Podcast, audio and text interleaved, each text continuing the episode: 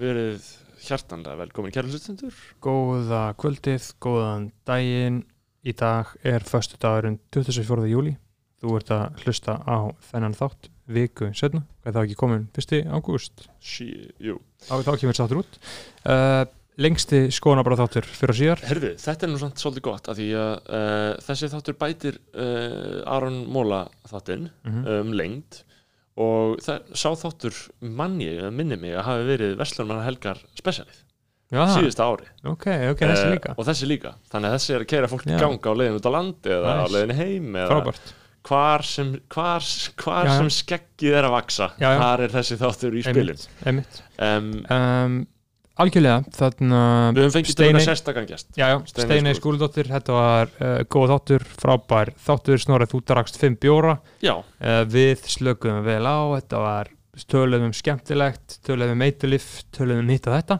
Já. Uh, við þurfum nú ekki mikið að rekja umræðefnin það hér. þarf út af fyrir sig ekki sérstaklega Nei, nei, að fjölirða um þessa aðskiljanlega en við erum reknir áfram á Patreon. Mm. Þar eru 197 patrónar sem að styðja okkur í okkar uh, vesenni mm, það eru, fimm, það eru þrjár áskiptalegir Mm. 5 dólar þá færðu þátt aðra hvora viku. 10 dólar þá færðu þátt aðra hvora viku. Og þú færð til dæmis að hlusta á þennan þátt um leið og við framleiðum hann. Cirka vika ára hann kemur út. Já, já, bara svona mismunandi, bara um leið og við erum búin að gera þátt þá Mhm. hendur við hann minna á Patreon. 30 dólar, þá færðu allt þetta þetta tvent og þú færð virðingu á nafn þitt á hverjum einstætti um, rétt eins og við ætlum að gera núna. núna. ég byrja á Beneditti Bjarnasinni uh, Geoffrey Huntington Williams. Hálfdáni Sveinsinni tónlistamæðurinn Dirb Jónas Guðmundsson. Kristoffer Daði Ritstjórn mbl.is sem er dulnefni fyrir einhvern ákveðin einstakling. Naflind, Sverrir Jóhansson Sverrir Sigurðarsson Tandri Snær Traustason. Tindur Örvarsson. Tómas Óli Eggertsson. Og Úlfur Árnason. Þetta er fólkið sem leggur sitt af mörgum til Já. frjálsar fjölmjölunar í Íslandi. Takk, takk, takk, takk, takk Ég byrði ykkur að njóta vel þátturinn er þegar orðin of langur eða ekki of langur heldur hæfilega, indislega efnis mikill. Akkurat, uh, endilega tjekki á patreon.com skástug skonablöður, kynnið ykkur málið uh, hugsið að ykkur um, á vefsíðina, bara fá ykkur appi í fá síma okkar app í síma, þetta mjög og komið um borð í lestina því þá munum við búa til betra efni, meira efni og vandara efni fyrir ykkur. algjörlega, Uh, um, við skulum ekki hafa þetta mikið lengra þar sem að þetta var lengst þáttur allir tíma. En hann var góður, hann er frábær, uh, Steinei var frábær, gaman að tala við hana. Og ég segi eins og fornmenn í njálu forðum ber er hver að baki nema sérbróður eigi, ég heiti Snorri Másson. Með mér er bróður mér Berður Másson og hjá okkur sest Steinei Skúladóttir eh, eftir þetta lag. Hver að bakið um að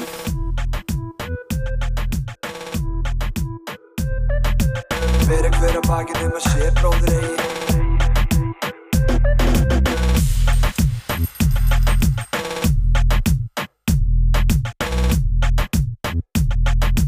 Steinei, er eitthvað sem við vitum Já, Eh, Nei, að mér dættur allavega ekkert í hug sem ég ætti ekki að vilja tala um að því að, að, Ég frekar opinn, manneskja. flesti svona, flesti svona kallmenn svona slislega með þessu sleppa því að hafa reykt gett mikið grasi eitthvað svona svona ég hef náttúrulega ekki gert neitt sko. Hefur reykt gras? Já. Já, en bara nýlega að því ég flytti til Los Angeles Mm. og þá þar er ekki allir gras og þá er eitthvað svona, þetta var, þú veist það er eiginlega fólk er ekki meira gras heldur en að drekka. Já. þannig ég ég þarf nú að taka þátt í þessari menningu. Aha, og, en fyrsta sem ég gerði, ég reykti ekki gras heldur fekk mér svona það sem heitir edibles. Ah, nice. Hafið þið fengið þannig? Nei, ekki Nei. En er þetta að hitta mann vel að? Já, sko, það virkar þannig að þú veist maður borðar það svo bara líður einn og hálfur tími þanga til maður finnur áhrifin. Og þá finnur þau sko bara mjög hart. Já. þannig að það var hérna Og erum við að tala um það, ef við, ef við lýsum einhverju nokkuð konkrétt Erum við að tala Já. um það að þú hafi getið þetta bóls og orðið bara mjög friðin bara fokking friðin sko. Fokking friðin sko þannig að ég var einhvern veginn fór hérna og ég mitt, mér það ég var, það var nú eiginlega að koma fram, mér finnst gras frekar leiðilegt eiturlif ekki að ég sé mikill hérna, sérfræðingur eiturlifum en ég hef núna prófa, ég hef búin að prófa þá gras og ég er búin að prófa kókain ok, wow og ég er búin að prófa uh, e-töflu Úff, og sveppi. Já, ok, sko, mér langar ok, ógeðslega- för, förum við þetta.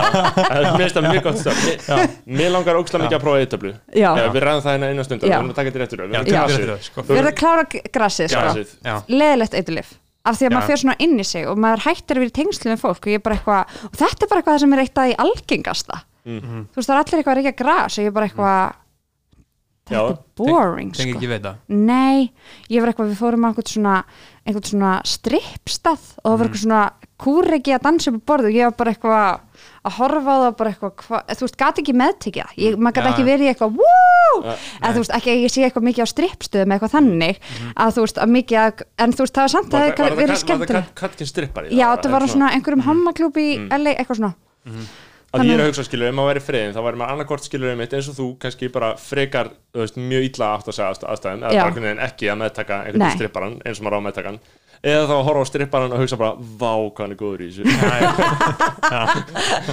og við reyndar en ég var ekki þar, ég var meira bara eitthvað svona þetta er að gerast allt svona hægðist á, þannig að það var frekar boring Mhm. sko, f- fyrsta sinn sem að ég uh, innbyrti kannabisefni já. það var einmitt sko gegnum köku sko. Já, það er sama, Um, já, það er það, edible. það er edible sko. já. og það var uh, aðfangadagur nei, uh, jú, 24. desember 2014 Sí, var ég heima uh, Já, þetta var regla eftir, þetta var klassið svona Já. post Já, það er hæðileg hugmynd. Nei, þetta var ekki fyrir kvöldmátt þetta- þetta var eftir kvöldmátt skilur Ó, við, ok. fattarðu? þetta var þegar búið var í gang frá öllu og þetta var um nótt ég var að sjá fyrir mér eitthvað kljóðan tvö já, eitthvað, nei, nei, nei, nei, nei. Svo bara kom aðfokandagskvöld, þú bara boom er, erfiðar fjölskylda aðstæður um, þetta var heima hjá uh, vinn mínum sem var einn heima. Þa, Ok. þarna var ég 19 ára.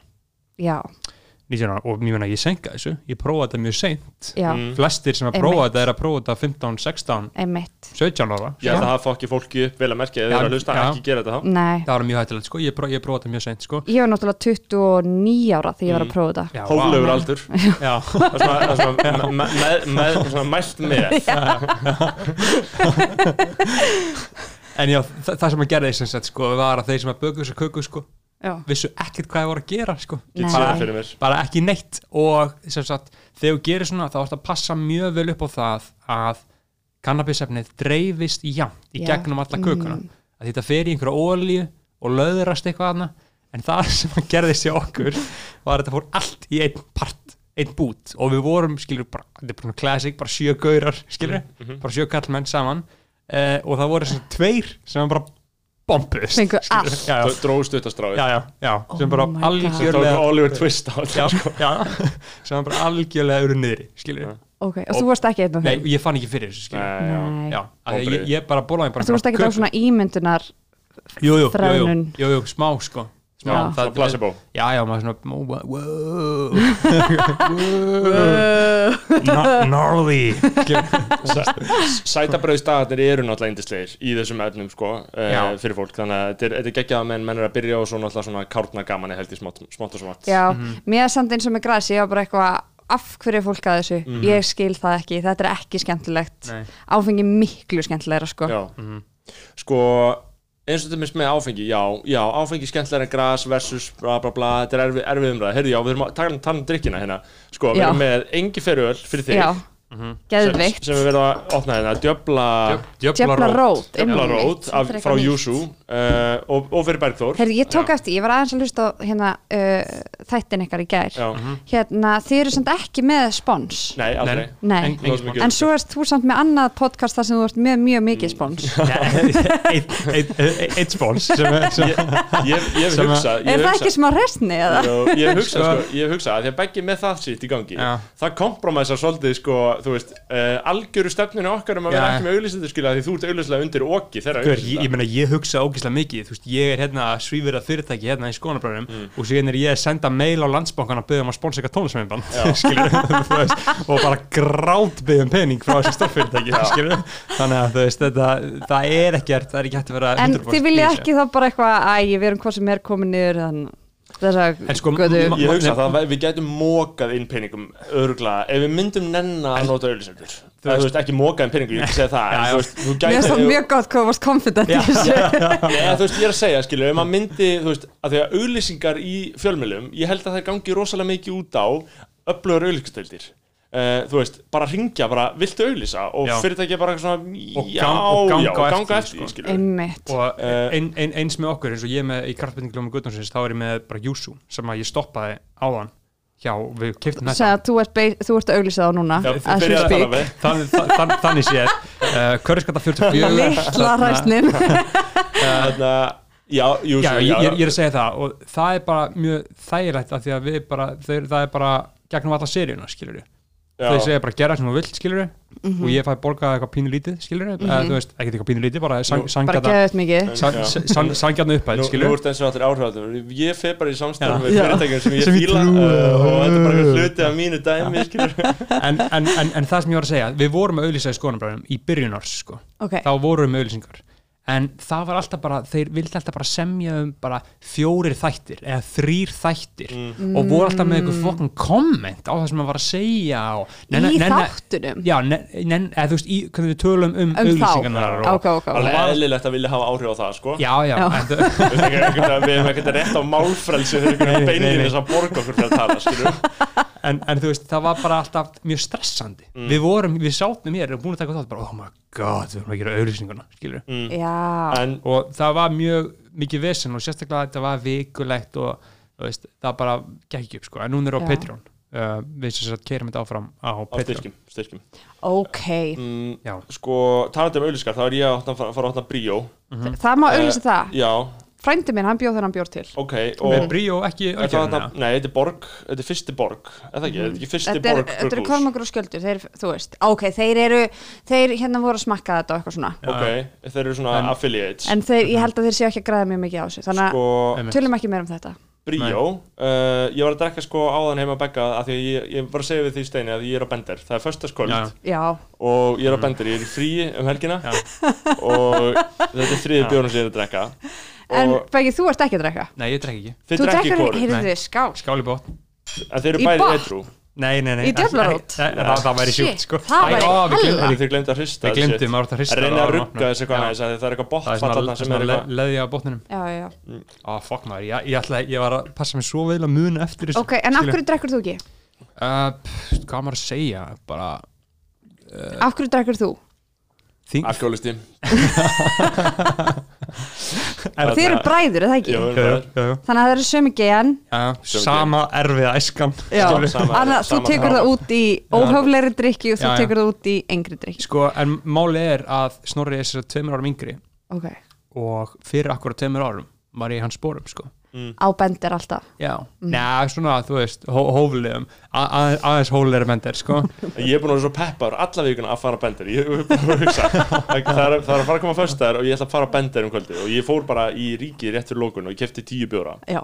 Ég er síðan að færa partí held ég eftir þetta og svona sétt uh, og málið er að vandamálið mitt með drikju er að ég er núna svo ógstlega aftur að lendi í þeim pakka ég drekk, þú veist, ég byrja að drekka og ég er spenntur að fara bender en síðan enda ég að drekka bara þrjá fjóra bjóra þegar það kemur eitthvað svona í mig eitthvað svona, æ, beilaðu bara á þetta og þá ertu ekki þunnur á morgun. Á þessu, höfum þá hreinu, maður segir beilaðu á þessu. Herðu, kynnslóða mun, já, kynnslóða bil. Ég veit ég, það. ég veit ekki hvort ég hafa rætt í skoðanabræðum en þú veist, hver, hver er þú fætt? 90 90, ég fætti 97 uh, já, Ég held að þetta sé 93-4 það er svona mitt Já. 95 kannski tegis í það. Já. Þú segir beila á því og mér finnst það viðbjöður já, en ég er eldri en þú þannig að ég er að tala réttara mál. Ok, eldra málstig Af því ég er OG, sko. Já, Já, Þetta að er svipað eins og nýja kynnslóðin, sko uh, segist vera að fokka með einhver í staðan fyrir fokka í einhverju? Já, já, eða þú veist bara Fuck hey, with, já, fuck bara, ég, ég, ég, já, ég fokka með þessu, skilur Hvað myndir þú segja? Þú veist, í staðan fyrir að ég fokka við þetta skilur, eða þú veist Já, fokka við þetta? Eða, eða, skil, skil, skil, skil hvað ég meina skilur, það er eitthvað annað já, skilurðu, það, já, það kemur í fokka með þessu, já, ég segi Já. ekki fokka með þessu. Fokka í þessu. Fokka þessu, uh, fokk í þessu. Ég er ekki alveg að fokka í þessu. Ég er, Ég er ekki alveg að fokka með þessu. Ég er ekki alveg að hefur maður alltaf sagt fokka með þessu? Nei, Nei, ég, ég, bara, ég segi ekki, þetta er bara Já. Fokk, fokk, fokk, já En beila á einhvern, ég held að allir, allir hlustendur myndi segja beila á einhvern. Nema sko, einhverjum, beila á einhverjum. Beila á einhverjum. Þú veist, e, þú veist ef þú ætlar með einhverjum með leikhús einhver, með einhverjum með leikhús Já. og segir, skilur að ég beila á hann beila á honum. Nei, mér finnst það galið, sko. Hvist er ekki líka Jú, beila á hann, sko. Já. Já. Þetta er magnað, sko. Þetta Já, er svo en skrítið það, þú veist þetta er engin umræða Nei, nei. af því að Nei. ég Já, þú er ræður, eldri en þú þig ræður. og þá Ég- veit ég betur. Ég var ekki að til í Já, þú veist, ég ætla að segja um þetta um allt sem verður sagt hér. Ég, ég, höfum þetta í huga. Ég, ég skil sko ég væri til að tala bara um íslenska málnefnd bara fá Ármann Jakobsson til þess að skera úr um hvort þetta er þá falla þá en það er samt ok, það er samt alltaf ef maður tala síðan við einhver íslensku fræðing og þá eru þeir eitthvað, það má allt. Já, íslenskan er einmitt. lifandi og blá. ég vil ekkert fá þannig svar. Mm, menni. ég vil bara heyra, nei, þetta er rétt, þetta er rámt sko það sem mér finnst bestu svörum frá málfræðingum er að þú veist að það núna er svona rétt rúnaður innan málfræðinar ég sjálfur er málfræðingur og það er alltaf svona ertu málfræðingur? Já, ég er, að- ég er útskástur íslensku. Ok, bara bráðum. Uh, og sko þar er þú veist almennt, það er svona praxis og þú segir það, það er þessi generalismi að allir megi í raun og veru að, að, að, að allt tungumál sé jafngilt sem er náttúrulega bara svona með sem ég bara fokka alveg með. Já. Flott, flott. Frábært. Rétt nótkun Aha. um, en þú veist, í lók svona pisla ef ég var að að skrifa stutt svar um þetta þá myndi ég segja svona, já, ég meina þetta skiptist skiptist þetta, þú veist, uh, þú veist 93 eða 4 mótilinn þau uh, segja, fokka, nei, sett, beila á einhverjum, en yngri segja beila á einhvern, og síðan myndi ég segja, skrifa svona litla nótu alveg neðst mælt er með því að segja fok, nei, beila á einhverjum. Það er mjög snirtileg laust þá ertu búin að búa til kanonu búa til reglu en án svona mjög herfilegs stjættaábyrðis já, já, já, skilur bara svona pínu bara löfléttu danglar aðeins í svona, já þannig að en uh, en þú varst já, að segja var að segja hvað. þú varst að ta- tala um það að þú ert búin að kaupa tíu bjóra. Mhm. Já. uh, stundum þá ertu búin að drekka þrjá og þá kemur eitthvað svona að á ég að beila á þessu? Já þá kemur þetta, já beila á þessu. Uh, þú Mjög veist, gott. já, að, ég, veist, ég hugsa að ég er að fara að vera þunnur og ég get ekki gert það. En ég er að reyna alltaf að reyna að hætta þessu shit. Ég nenni ekki að, Að drekka? stoppa nei að stoppa mig svona af Já, ég er að einmitt. reyna að drekka sko.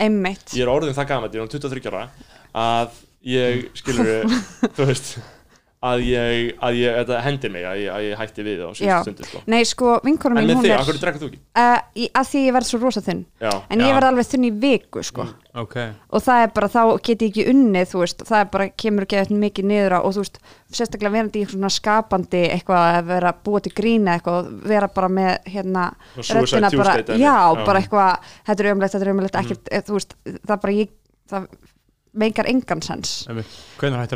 mm. það það uh, fyrir tveimur og halv ári síðan. Mm. en ég drakk mjög lítið fyrir það. Og Já. þá var ég myndi rosa mikið í þessu eins og þú varst að tala um snorri að hérna bara eitthvað að fá sér einn og svo eitthvað æ nei ég ætti nú ekki að vera að þessu. Þá var ég þundur Mhm. eitthvað.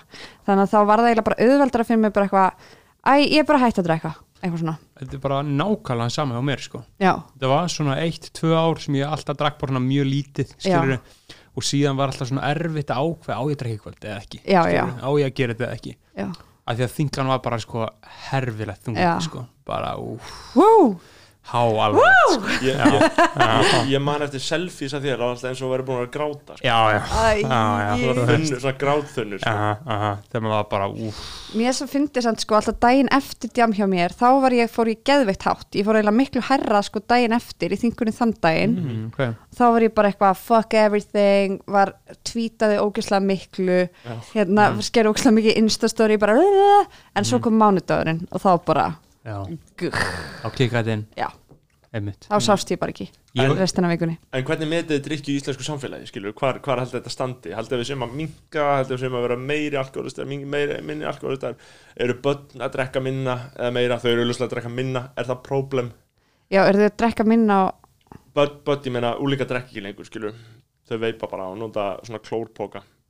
Klórpoka, oh Ni- my god. Nikotín dæmið, skilur og er það tala um lift Já, eitthvað Fox eða hvað sem það heitir já, ok, er, ég, ég, er það eitthvað sem þú þólir ekki Ég, ég byrjaði að reyka áróður fyrir kló, gegn klórpókum sko. Það hljóma svo illa, fegst ekki sjokk þegar þú heyrir þetta Jú. skilurðu? Já. já, Ég, nei, ég sá fyrir mér að þau væri með eitthvað svona klór í póka og væri eitthvað svona sjúaða, þú veist, eins og eitthvað lím sniffa klór eitthvað. Mist, mist bara í góðu lagi að vekja þau hurungu tengst sko. en En byrju, er klór í þessu? Uh, já, það eru eitthvað svona segjum það. Já, Ok, þú hefur ekkert fyrir þér í því hvað er því. ég, ég segi bara, ég veit hver veit hver veit hvað er í þessu, það veit ekki Já. hvað er í þessu. Kann ekki að lesa á þessu aukaefni. Það er svona 13 e-efni í þessu. Efni, e, Oh my god, þetta er bara svona líga áraður. Bara Já, svona eins og Trump er með. Þetta þetta er, uh, ég er náttúrulega mikil trömpisti sko, þannig að það komið fram, það er komið fram í þessu lagarpi um, um, hvað vildi ég sagt hafa, var ég ekki að, voru við ekki að ræða áfengismál, hver, já, Jú, jú, við Já, erum að tala um sko að áfengismál. úl- úl- úlíka drekk ekki sko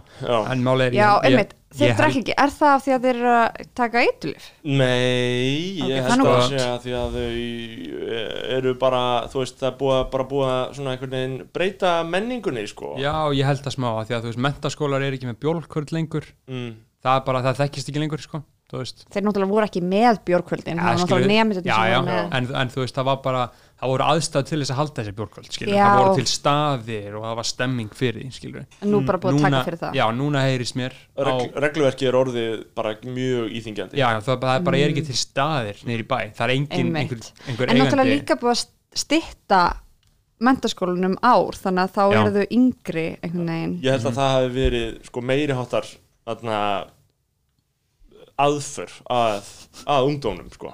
að tjamlífi mentaskólan nema Já, að stitta er veist, þannig að það komið fram þá voru það samtök atvinnulífsins sem styttu mentaskólana sko. Er það? Það er málið, samtök atvinnulífsins er að lobbya fyrir þessum styttingum keira þetta í gegn og þau vilja stytta þetta um eitt ár enn sko. þetta er að fara að enda í átjónar útskrift sko. við erum að fara að enda það sko. Ég reyndar, það er samt allt í lægi finnst mér en það á, á maður ekki að vera að stitta grunnskólan Jú, Jú, jú. það hefði verið allir lægi maður lærir ekki sitt í grunnskóla. Nei, ok, það er þú, kannski þú þarft alla þrjú ár í mentaskóla sko. já, allavega þrjú ár. Finnst- já, algjörlega. þrjú ár Já, stutt já. þegar sko. Finnst allt í, já. Varst þú ekki MR eða? Jú, Já, við vorum í MR bæði mhm Við vorum í skóla, Bergþó var í eins konar verslunarskóla. Við, fáum, fáum verslunarpróf eftir Já, tvö ár verslunarpróf, þetta heitir verslunarpróf Mm. Þetta er svona eins Mm, konar svona svona diploma Já, og þá var bara tilbúin í atvinnulífið, skilur Já, bara í að atvinnulífið. sto- stofna Hva, Á hvað business brautum voru þið? Ég var á náttúrufræði líffræði Okay. Ég var á formála, Alright en þú? Náttúrufræði Náttúrfræði, Tvö. náttúrfræði 2, já Já. Flugfræðibrautin, var það gallið flugfræðibrautin? Nei, það er nýmála, tvö held ég Náttúrufræðibrautin er bara rennibraut Rennibraut, góð rennibraut. Er hann Ég veitur ekki að Nei. segja það. Og hvað, fílaður MR? uh, Já.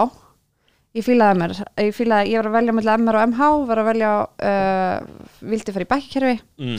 uh, var með mentarhuga og hérna þurfti svo að geta það onni mig af því að hérna, ég hafði ekki þú veist, hefði meira áhuga á félagslífinu þegar ég kom í skólan svo. Mm. mm, um, Já, bara Og þú ert fætt árið 1990 Já.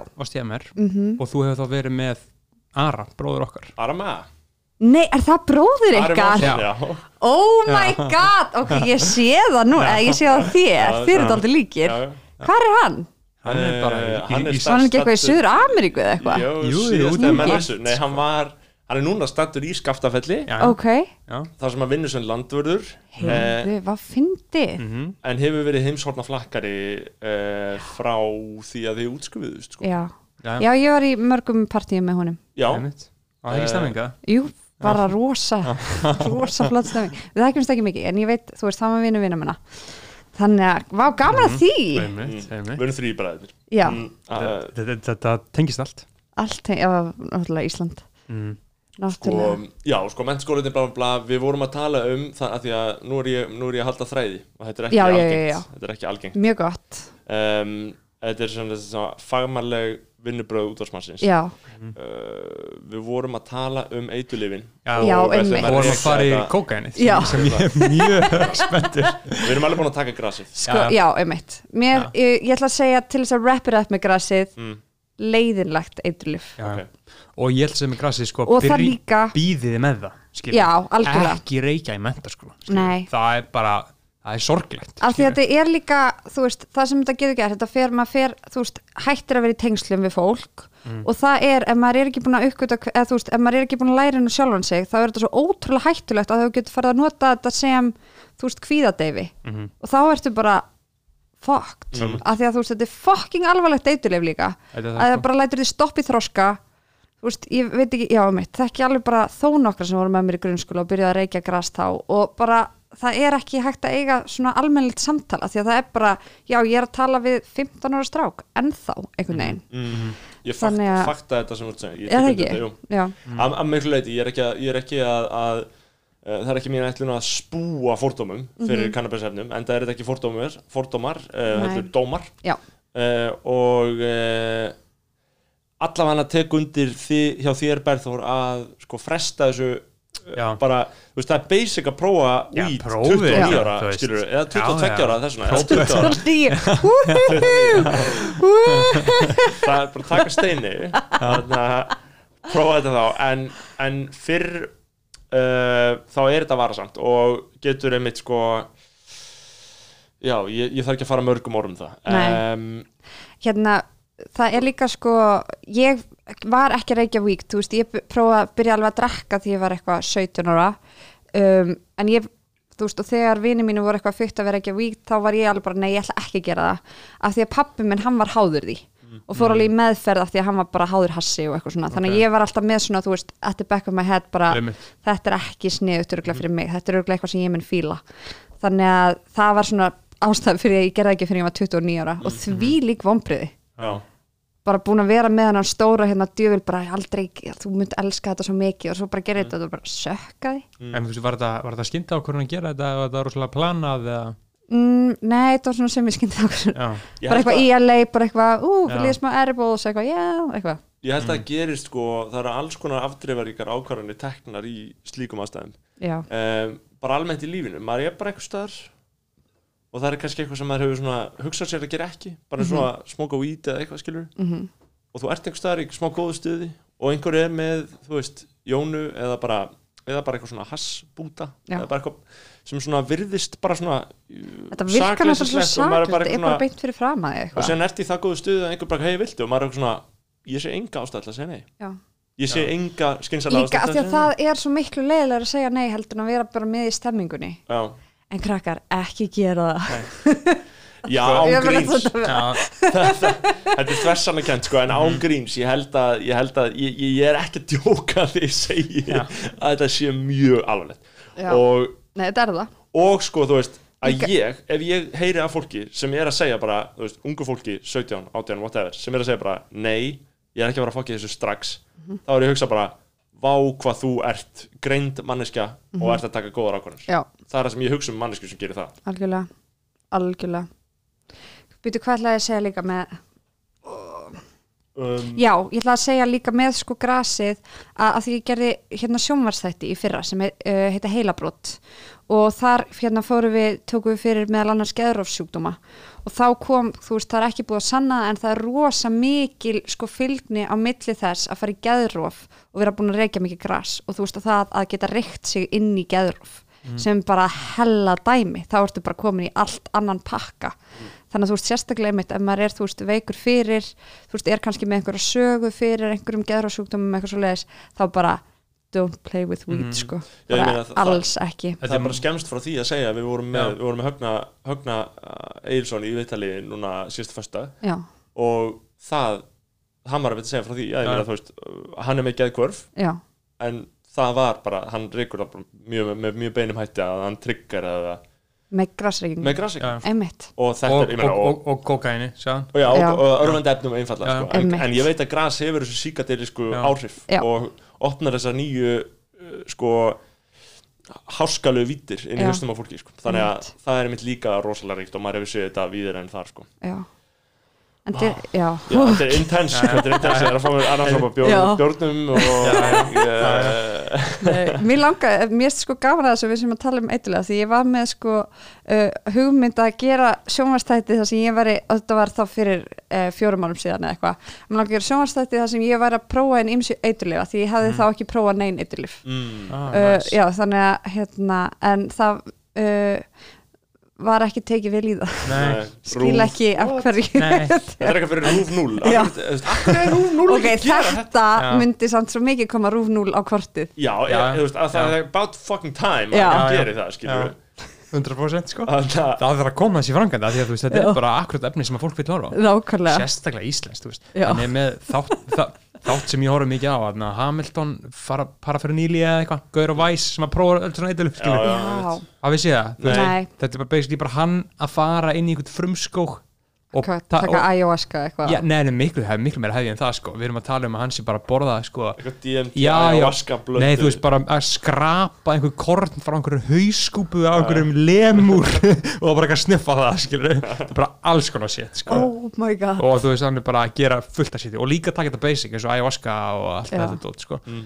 uh, þetta er business hugmynd sko. Já, Sjó- sjó- Sjónvarp símar Ég ætla- Já. Nei, þú veist, af því, af því að ég hugsa líka Rúf 0, ég er 100% á því að Rúf 0 Já, rúfnúl, mér finnst það rúfnúl, mér finnst þetta líðræðislega skilda ríkisjóðar að að gera þetta, af því að sko, þú veist þetta er svona, þú veist, ma- í fjölmjölun þá er þetta spurning um að taka áhættur og að geta ekki sopnað en þátturinn fyrir lofti, þú veist, Já, þetta á að vera það. Já, og það er eina efnið sem mun uh, hreyfa við emitt og það er bara, þú veist, það eru, þú veist, það eru ákveðin sásugamörk, þú getur ekki bara algjörlega farið, þú veist, að bara sína einhverjar orgjur á rúf 0 Nei, En þú veist, hverjum væri ekki sama þótt að væri síndar orgjur á rúf nú, skilur Já. Þetta þarf að vera krassandi, það er sem ég er að segja, veist, til þess að þetta sé að fanga hennan Markov, sko. Þú verður að keira þetta, fara til snæra og svo sindra og já, keira þetta í gang. ég keiri þetta í gang. Eitthvað, hérna er Mun- mun- mun ekki- 30 ára konan sem var að taka eiturlif Og, og samt og sína að ungu þetta. sína ungu krökunum Já, hei, allt er góð með þetta. En ég meina þú það veist er eitthvað svo tæft dæmi. Þi- þetta hefði verið cool þegar ég var 26 en Ég er 23, ég á þetta ennþá allt inni. já, þú getur, heyrðu, ég Já. bara gef þér hér með þessa hugmynd Mm. pæli hvað það er sem fyndi bara inn í einhverju herbyggi bara taka líkil að kóka og bara Wow. prófa þetta skilur. þetta væri bara Ah. Þetta hefur ekki verið gert sko Já. getur kannski gert þetta eitthvað svona Meina- spice it up, gera þetta með, þú veist mömmu og pappa eða já, eitthvað. alls konar. Ég meina, þú veist, geggja sjónvarsefni, mun- sko. Já, eða bara, þú veist, eða með sko einhverjum svona kannski eldri manneski sem hefur gert ógstlega mikið af þessu. Já, að einmitt, einhverjum reyndum. Já. Ungur nemur, gamall temur. oh my god. Muni eftir þegar að Sjölu Tryggva tók aðna uh, Roofies. Nei, Nei, heyrðu, ég bara heyrt af Já, því. það var frábært sko. Hann sem sagt, þú veist veit ekki, má maður er, rétt orðanáttkun að kalla þetta nöðgunarlif Ég, Ég veit veit ekki. það Þetta, ekki. þetta, þetta hljómar svona mjög illa í eirun mín já, en, já, en já, þú veist, þetta er en, það sem en, það er en þið veit hvað ég er að tala um Já? Rúfi, já. hann sem sagt hann, hann tók þetta í einhverju sjóastætti skilur og síðan bara sínt bara eitthvað close-up á honum eitthvað lafanlega gutt og detta og eitthvað þetta var bara Oh my frábær þáttur sko Þetta er gonzo, m- þetta er bara alveg blaðmennska já, má, m- m- málið þetta ég þátturinn ekki, Já. málið með Sjölu Tryggva Já, ég, ég heyrði sko, ég hef ekki séð þetta en ég heyrði bara þetta moment það sem hann var að ringi í kaffi bara og spyrja hvort hann mætti og útskýra þetta mál sitt. Það Mm. hefði verið eitthvað svona golden eitthvað. Já, en við langar að koma og taka hjá okkur nuðgunarlíf og já, eitthvað svona. já, en, einmitt. En við vorum að tala um eiturlif og við vorum að fara að Eiturlyf. koma inn í eiturlifin sem þú hefur tekist einnig Já, einmitt. Næst á dagskrá er kókain kókain Já, kókaín. uh, kókain það var síðast sumar. Ok. Já, wow, það var ég Án já, áfengis, þú varst ekki að drekka líka. Wow, ha? Bara hratt líka kókaín. grasi. Já, uh, hérna, en einmitt. Á- án áfengis það var hérna, mæla ekki með. Jú, jú. Uh, nei, satt ekki. Ok, að, aðstæður, hvaða aðstæður voru þetta? þetta var uh, spila tónlistarháttíð með Reykjavík dætrum út í Danmörku. Mm. og þetta var svona algjört þetta var svona, þetta, þetta heitir músík í lægið og er hérna, fannst ekki góðu danskur Já, þetta var mjög þarna? gott, það var mjög Músík í lægið músík í. Og Hvað, hvað því er lægið? þetta er eitthvað svona í Mús- lautinni eða eitthvað. einmitt. Og það er eitthvað staður þarna norður sjálandi sem heitir lautin eða eitthvað. Ógeðslega bara svona Arnarnes fólk ríkt sem að á sumarhús þar þannig að það var allt ógeðslega ríkt fólk þarna. Dan, Danir, þeir eru sj- ríkir Danir eru svo- sjúkir sko. og þeir eru svo fallega tanaðir Já. allir og bara mm, allavega, þannig að við vorum eitthvað að spila þar, gekk sjúklega vel bara ógeðslega gaman uh, og svo var bara, þú veist vor allt út í kókaini, þannig að það var bara eitthvað vil ég ekki kókain og ég var eitthvað, já, ummitt ég á nú eftir að, eftir að prófa kókain alltaf svo, svo, svo svona skipular hm, já, þetta nú Ígrundu ákvörðu já, ykkurðu ákvörðin, ég, nú prófa ég kókain þannig ég fekk smá kókain, mjög lítið samt. Uh, var edrú. Uh, og hérna og það var líka vombriði mm. líka eins og Ok. grasið. Af því að, einmitt, mögulega kannski að því ég var ekki drukkin, en þú veist að ég var alltaf að býða eftir því að kæmi þetta röst þar sem ég væri bara, ok, það er allir sjúkir í mig. Mm, já, já. eitthvað, en það kom ekki, það kom bara ég var aðeins orku meiri, að dansa meira og svo bara fjaraði það út. Og þá er ég eitthvað Sko ég held, ég held með grunar um, Ég hef ekki tekið kókain sjálfur. Um, En uh, ég bara, margir nákvæmum mér uh, hafa notað mikið af kókaini. Mhm. Og lýsingarnar eru uh, eða svona, það sem ber hæst er sá eiginleiki lífsins að hann gerir þig kleift að drekka mjög mikið.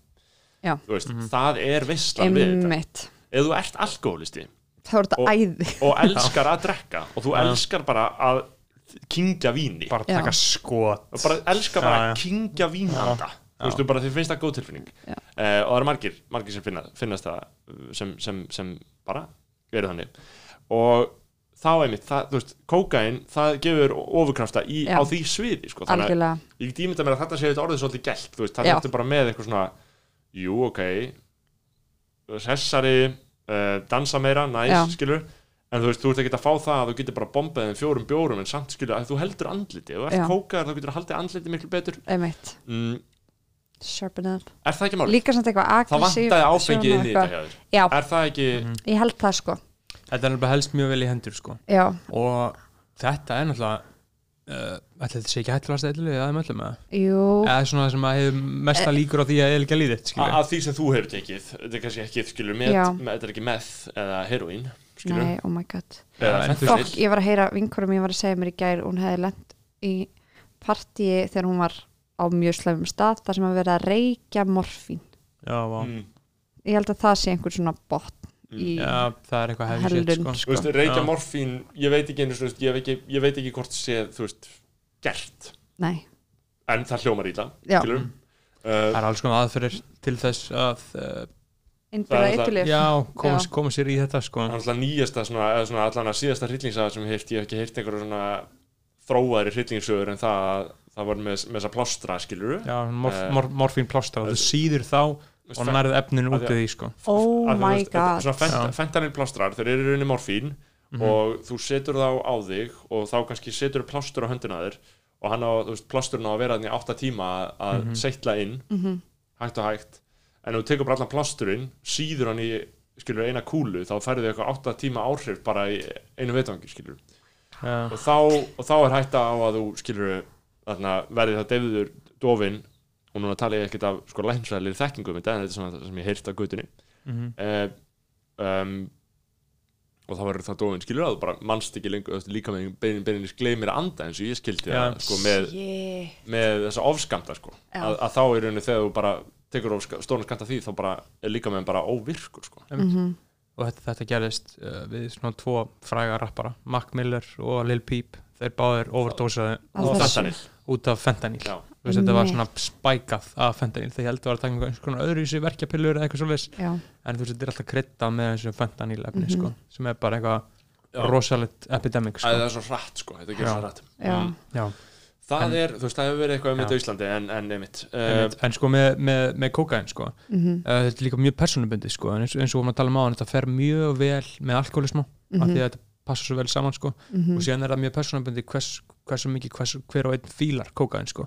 svo ég hef heyrt frá mönnum sem hafa tekið kókain og mikið verið í svona þannig kreðsum sko, að svona per, mikil personengin á þeim, þeim þá þeirri manneski sem að fíla kókain geðið mikið þá ertu svona smá upptekina sjálfur veist, þá ertu með svona veist, smá svona sjálfströst issue þú veist, og veist ekki alveg hver þú ert skilur, en ert voða upptekina sjálfur, já, þá þú farið kókain þá bara amplifæðast þetta skilurðu. Emmitt og þá farið þið bara ah, skilja, þú veist þá farið loksins að vera svona það sem þú vilt vera sko. Og Þú þessa, fe- þessa þú fe- hugmyndum þig sko. þú finnst það ekki, þú varst ekki í sjálfsmyndakrísu þetta talaði ekki beint inn í sjálfsmyndakrísu Nei, þetta var, Mm. og þú veist, og ég hef líka alveg hugsað að því að ég er á, þú veist, kvíðarlifum kannski spilaði Mm. það inn í að þá bara þú veist, að því að svo prófaði ég að taka e-töflu mm. og þá, Sam, saman kvöld nei, Nei.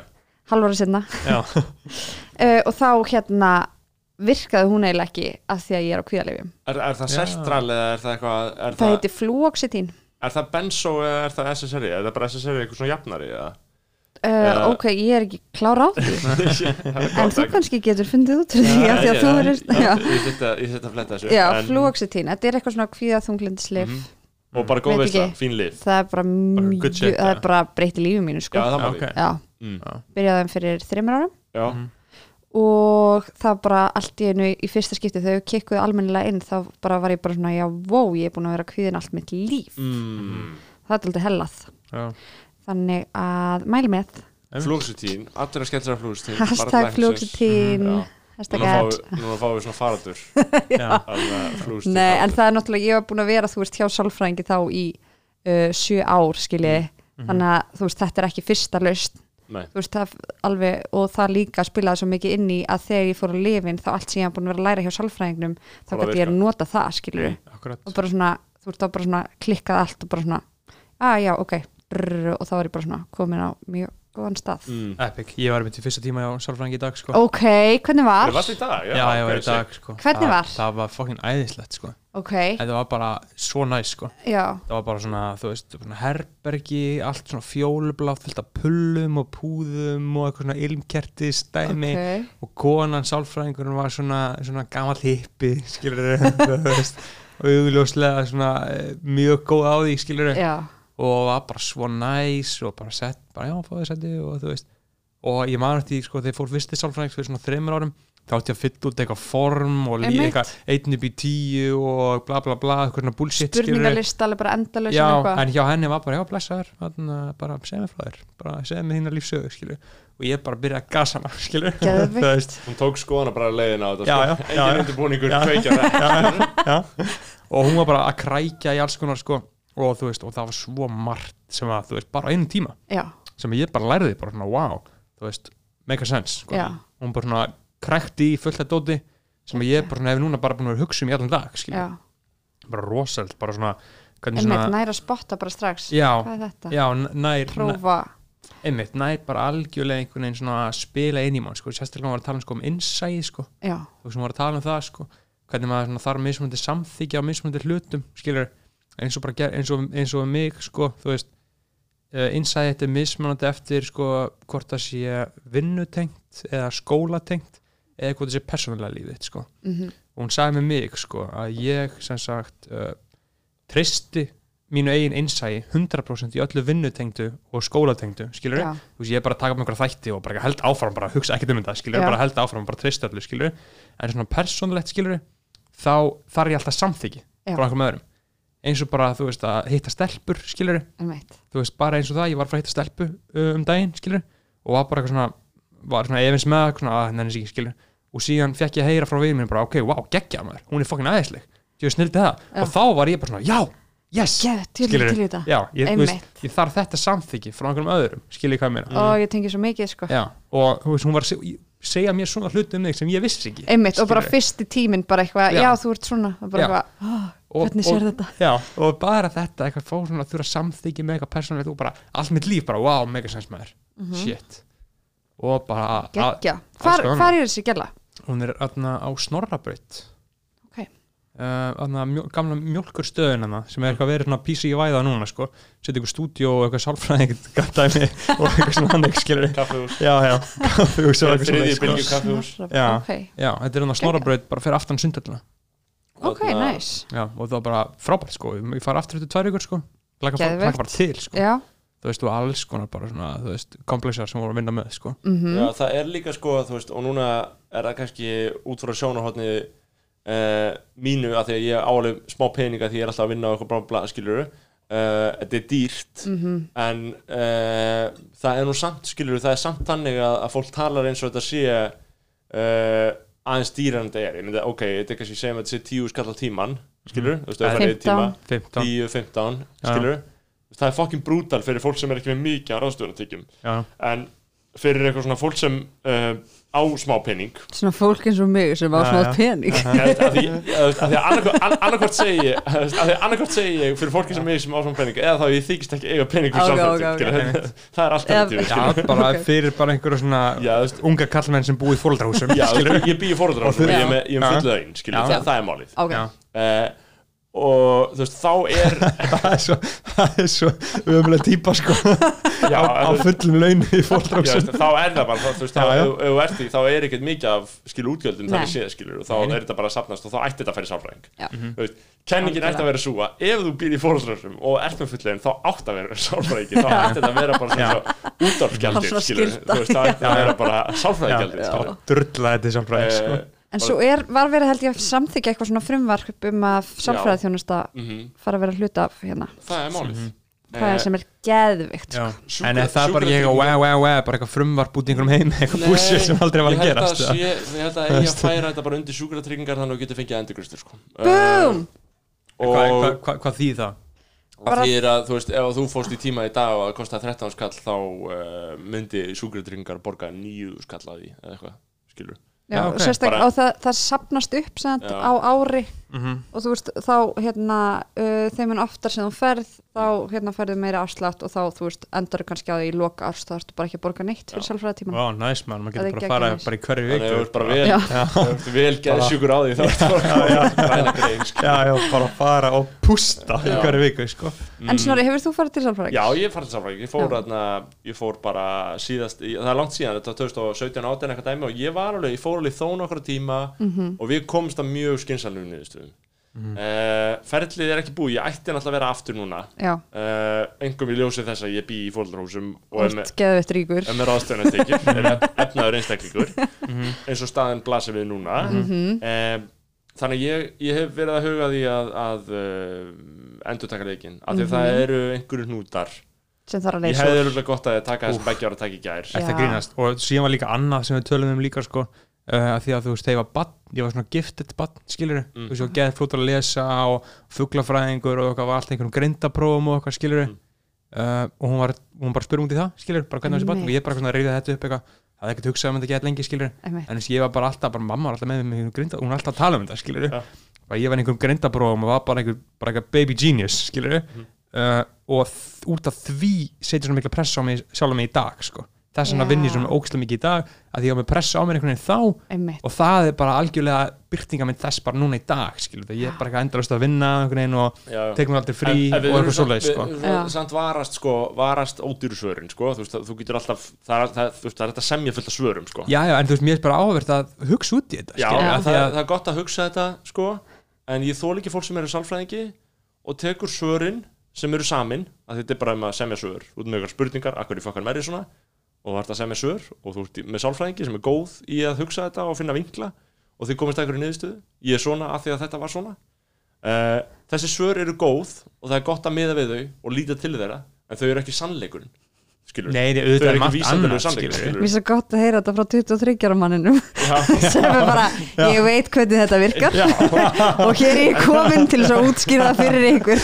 Já, en þetta er samt fakt, þetta er rétt það sem ég er að segja. Ég þóla ekki það fólk kemur með frá sálfræðingi með sannleikan skilur, með bara ég með þetta tráma út af þessu tráma skilur Já, en það er allavega einhver staður til þess að byrja á Já, sko. það er er sammála eitthvað til þess sko. að grípa í og þú veist, þó að þú komir síðan setna hjá jú, auðvitað er þetta marglega, Já, eitthvað já. svona þú veist, það er betra að hafa þetta heldur en að vera bara Ekki eitthvað, ég ætla ekki að taka neitt marka á Mm. því sem að sálfræðingurinn var að segja, skilur því, sko um, þannig að, En þú, ert, ert þú búin að fara í gott þú, þú sjö ár, sagður já, vera, núna tíu ár eða djúpt. níu ár búin að vera í leiknum Alltaf hjá samansálfræðinga já, Shit, Vá. hún Já. þekki þig maður hún veit allt um mig uh, já, það er bara hérna, hún heitir Valdís og hún er á, það heitir stofan sem hún er á heitir Shalom Vá, þú ert hjá þessari einu sönnu já, Ég heyrt um hana, sko. ég veit um nokkra sem eru á henni sko. Býtu, hún er geggjur Vá, sko. og ég, Mhm. allir sem eru á henni segja bara Vá, ég skilur. veit það, hún er Vá. rosaleg sko. Ok, þú ert hjá henni já, Ég veit um nokkra Ég, ég, ég, ég, skal segja þér off-air sko, þú veist, Vá All, Allir bara sem eru hjá henni Ég veit bara, það. þú veist já, er líka bara einmitt eins og ég segi, búin að vera hjá hann í nýju ár eða tíu ár. Mm, Uh, en það er bara einmitt, þú veist, og einmitt þegar ég var að byrja hjá henni, þú veist, það var einhverju hlutir sem hún var að segja, bara já, fókusum á þetta og eitthvað svona, og við vorum fyrst, þú veist, að fara alltaf svona í grunninn, í æskuna, bara hvað þaðan, þú veist, er hérna triggerandi og eitthvað svo leis, en svo þú veist, þeim lengur sem er í hjá henni, þá fer hún meira í, ok, en hvernig getur þú bor- borðið ábyrð einmitt, þetta er ekki bara eitthvað svona simpul svar, sem er daldið sem þú varst að segja, en hérna þetta tekur samt tíma þannig að maður verður einhvern veginn bara að fara all in með sálfræðingum frá byrjun bara eitthvað Mhm. að því að hann einmitt er með aðferð sem að hann er að fara að vinna eftir. Mm, eða það er allavega, ég trúi því sko. Já, já, einmitt og, og sko ég, ég var hjá Salom og ég Mhm. bókstala veit ekki alveg hvort ég hafi verið bara líka hjá Valdísi sko. ok, eða kolbrúnu kannski uh, kannski líklega Kolbrúnu. Ég er ekki viss. Mm um, það er mjög skrítið að nafninu hennar sem stólu úr mig, ég var alltaf hjá henni. Uh, en vorum að tala um einföldu svörin og ég var að fara að segja eitthvað fucking gáulegt ó, ég svo vá, já, ég var að fara að segja eitthvað fucking gáulegt Ég í það í skinninu. Þarna, nei já, einmitt, maður kemur inn og maður þarf að leggja spilanbólið Já. um, og ég man þegar ég var fyrst þá var hún eitthvað svona já, tjekkum á fóreldrinum, skilur, hvað eru fóreldri henni hvernig var það, lalala Mhm. og ég var eitthvað svona, hei, þetta tengist þeim ekkert ég er bara ég Já. og þá var hann eitthvað, já ok, ég skil að þú skulle segja þetta, Já. en það er samt ekki alveg rétt hjá þér, Já. við þurfum að fara þangað skilur, já, og þá fórum við þangað en uh, það var samt ekki nógu kannski djúbristandi það sem við gerum, við vorum ekki nógu lengi að sko. já. maður þarf að vera bara eins og þú, nýju ár Mhm. maður nýju ár það var alveg, ég samt fann alveg árangur fyrr. Þetta hjálpaði mér mjög mikið, alveg bara frá fyrsta tíma sko. mm. er þetta um, ég veit ekki hvernig það var skilur, því ég var náttúrulega ekki hérna um, á staðinum þegar um, þegar árið var 2005 eða 1995 eða 1985 uh, ætli við séum ekki að sjá að uh, það hafi verið mjög mikil svona af tabúísering af tabúísering á þessu dæmi? Jú, alveg bara massa. Ég, ég allavega, ég sagði ekki um vinkonum mínum jú, eða? Þú veist, ég var allavega þegar ég var að byrja á sálfræðingi ég, þú veist, skammaðist mín það mikið fyrir að, þú veist, ég sagði engum að ég vá. sálfræðings. Ég var meira bara eitthvað að, að ég kemst ekki þarna, akkur Mhm. að, að ég er að fara til læknis Mm. og ég man líka vinkonum mín að sögðu það alltaf bara þú veist, þú ert að fara til læknis geta eitthvað, tvekja vegna fresti eða þannig að jafnvel, þannig að jafnvel skilur opin PC King listamanniski eins og þú 2013 var ekki að segja fólki skilur 2013 uh, 11, Ja, 12 2011, nei. Nei, Nei. einmitt, ætla það sé ekki svona eftir það varst á mínum aldri. Já, 2012 já 2012, 13, 13. já, nei.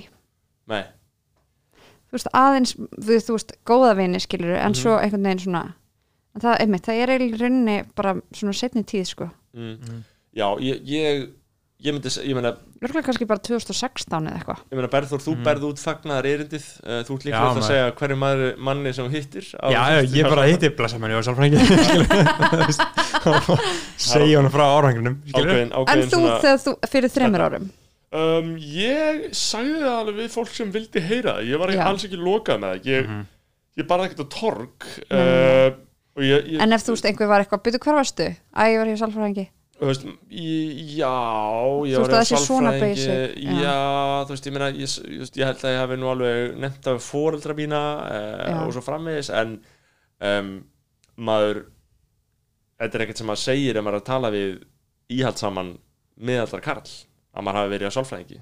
Því að þeir eru svo bældir í íslensku samfélagi. Mhm. þetta er svo bældir hópur sem getur ekki talað neitt um að Liverpool og golf. Já. uh, já.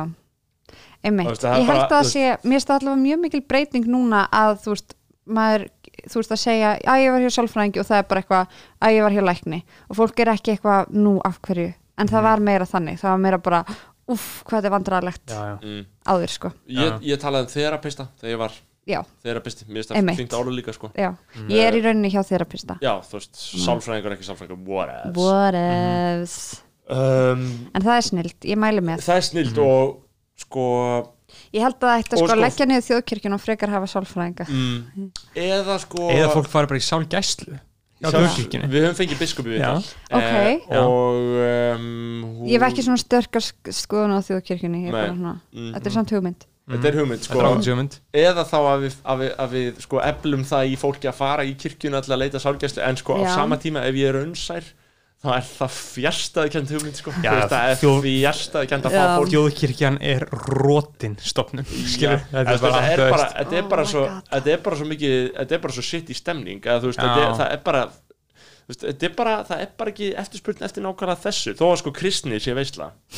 Já, já Við þetta skilurðu? Já, nákvæmlega getum öll verið, ef það er eitthvað sem getum öll verið sammálu þá er það að kristni er veistla. Ég, ég, ég er ekkert ég er ekkert djókum með það, þetta er bara mjög fallega bókmyndir og mjög fallega pæling og, og svo framvegis. En þú veist, stopnunin, yfirbyggingin það er eitthvað sem ég held bara, að þetta er orðið veginn. Já, það þarf bara- að fara að breyta stokku upp í þessu sko. það þarf að písi í vaða þetta sko. Þú veist, bara, þú veist, andin inn í kirkjunum skilur, þetta er ekki heilagar andi þetta eru bara einhver, þetta eru bara ljótir súrir stólar út um allt skilur, og bara eitthvað svona þú veist, ljót listaverk á veggjunum og svona að því að, að, því að ríkisvaldi á að vera með einhverja andlega stopnun sem er Já. bara, Já. sem snýr bara að þínu andlega Já. og og mér sko kirkjan snild upp á giftingar og jarðafari sérstaklega, kirkjan er Já. snild upp á jarðafari bara ákveðin bara svona þú veist, rammi utan um hvernig við fáum að kveðja einhvern já, já, nákomin, eitthvað svona geggjað þau líka rík halda í giftingar, jarðafæri, skýrtnir, fermingar um, þetta er businessin núna af businessin er ekki lengur messur á sunnudögum nei, af því að það, hún hefur glatað þessu hlutverki sem andleg miðstöð já, Mm. uh, en hefðirnar eru svo sterkar að einmitt þegar einhver deyr þá er maður bara eitthvað ok, ég er ekki fara að vera eitthvað frumlegur á þessu núna sko. Við erum bara Nei. að taka en líka það, að því að þau eru líka bara með eitthvað sem virkar þetta Já. Mhm. er bara mjög næs eða þú veist, bara Sitja, gráta. effektív þægilegt Já. rými já, bara saman eitthvað. Ég myndi ykkur að maður væri að gera þetta eitthvað svona semi ný uppbyggðu takki í rými í ármúla. Já, já, og bara eitthvað já, já, og bara eitthvað Óli Steff var að segja skilur við. aðtapnastjóri frá Já. siðmynd eitthvað, hei random bara, nei bara, þú veist, ég vil engar, enga flugvelda, ég vil bara prest sem Já. segir fyrir sjánlega hluti. Já, Mm. talar um Guð, mér er alveg saman að tala um Guð bara tala um Guð og Jésu Krist og allir vita að það er bara eitthvað einhver vefur sem hann spinnur. Einmitt uh, og svo er bara uh, hinn látni hvaðin eh, hvaður, hvaður, Hvað? hvað er það, við vorum einhver staðar uh, já, við vorum Já. að komin í við vorum komin í epiluna þetta er mjög góður reynd frammi, við erum komin í já, einmitt, ok, búið með grasið, búið með kókainið það er komið að e-pillunni Já. e-pillun, það var bara um síðust áramót. Ok, og það var sko af því að hérna ég fór til Mexiko um jól og áramót og með að uh, vini mínum, eða vinum mínum og hann er hérna uh, hann er 97 model og hann var bara, ok, við erum að fara yfir Mexiko við verðum að fara í eitthvað trillt partí og við tvær erum sem að jafngamlar og við erum eitthvað, já, eða við getum bara þú veist, bara eitthvað kósi, þú veist, fara á strönduna eitthvað að horta á þegar nýja ári kemur og bara, er það fangin djóka, við erum ekki fyrir að vera á Íslandi í áramótapartí, við erum að fara þá verðum við að gera eitthvað geggja hér. Þannig að hann fann eitthvað svona rísa skóarpartí einhver staðar í Mexiko sem kostaði, þú veist, ógeðislega mikið að fara í. Og vatnið kostar jafn mikið og áfengið þar. Og hérna bara hvitt fólk náttúrulega sem er eitthvað Já, eitthvað alveg forréttinda Mhm. og hann bara, við Eitthvað off verðum að við fara. eitthvað kannski, smá off við það svona í. Mexiko já. shit sko, þetta var alveg uh, og hérna, og hann bara, við verðum að fara í þetta. Og þetta var, svo, þetta var honum svo mikið sko, þú veist, hjartans mál að fara í þetta partí að við svona, ok, létum undan. Og þá var ég bara eitthvað þú veist, ég get ekki farið í svona partí eitthvað edru, þú veist, ekki einu svona að drekka.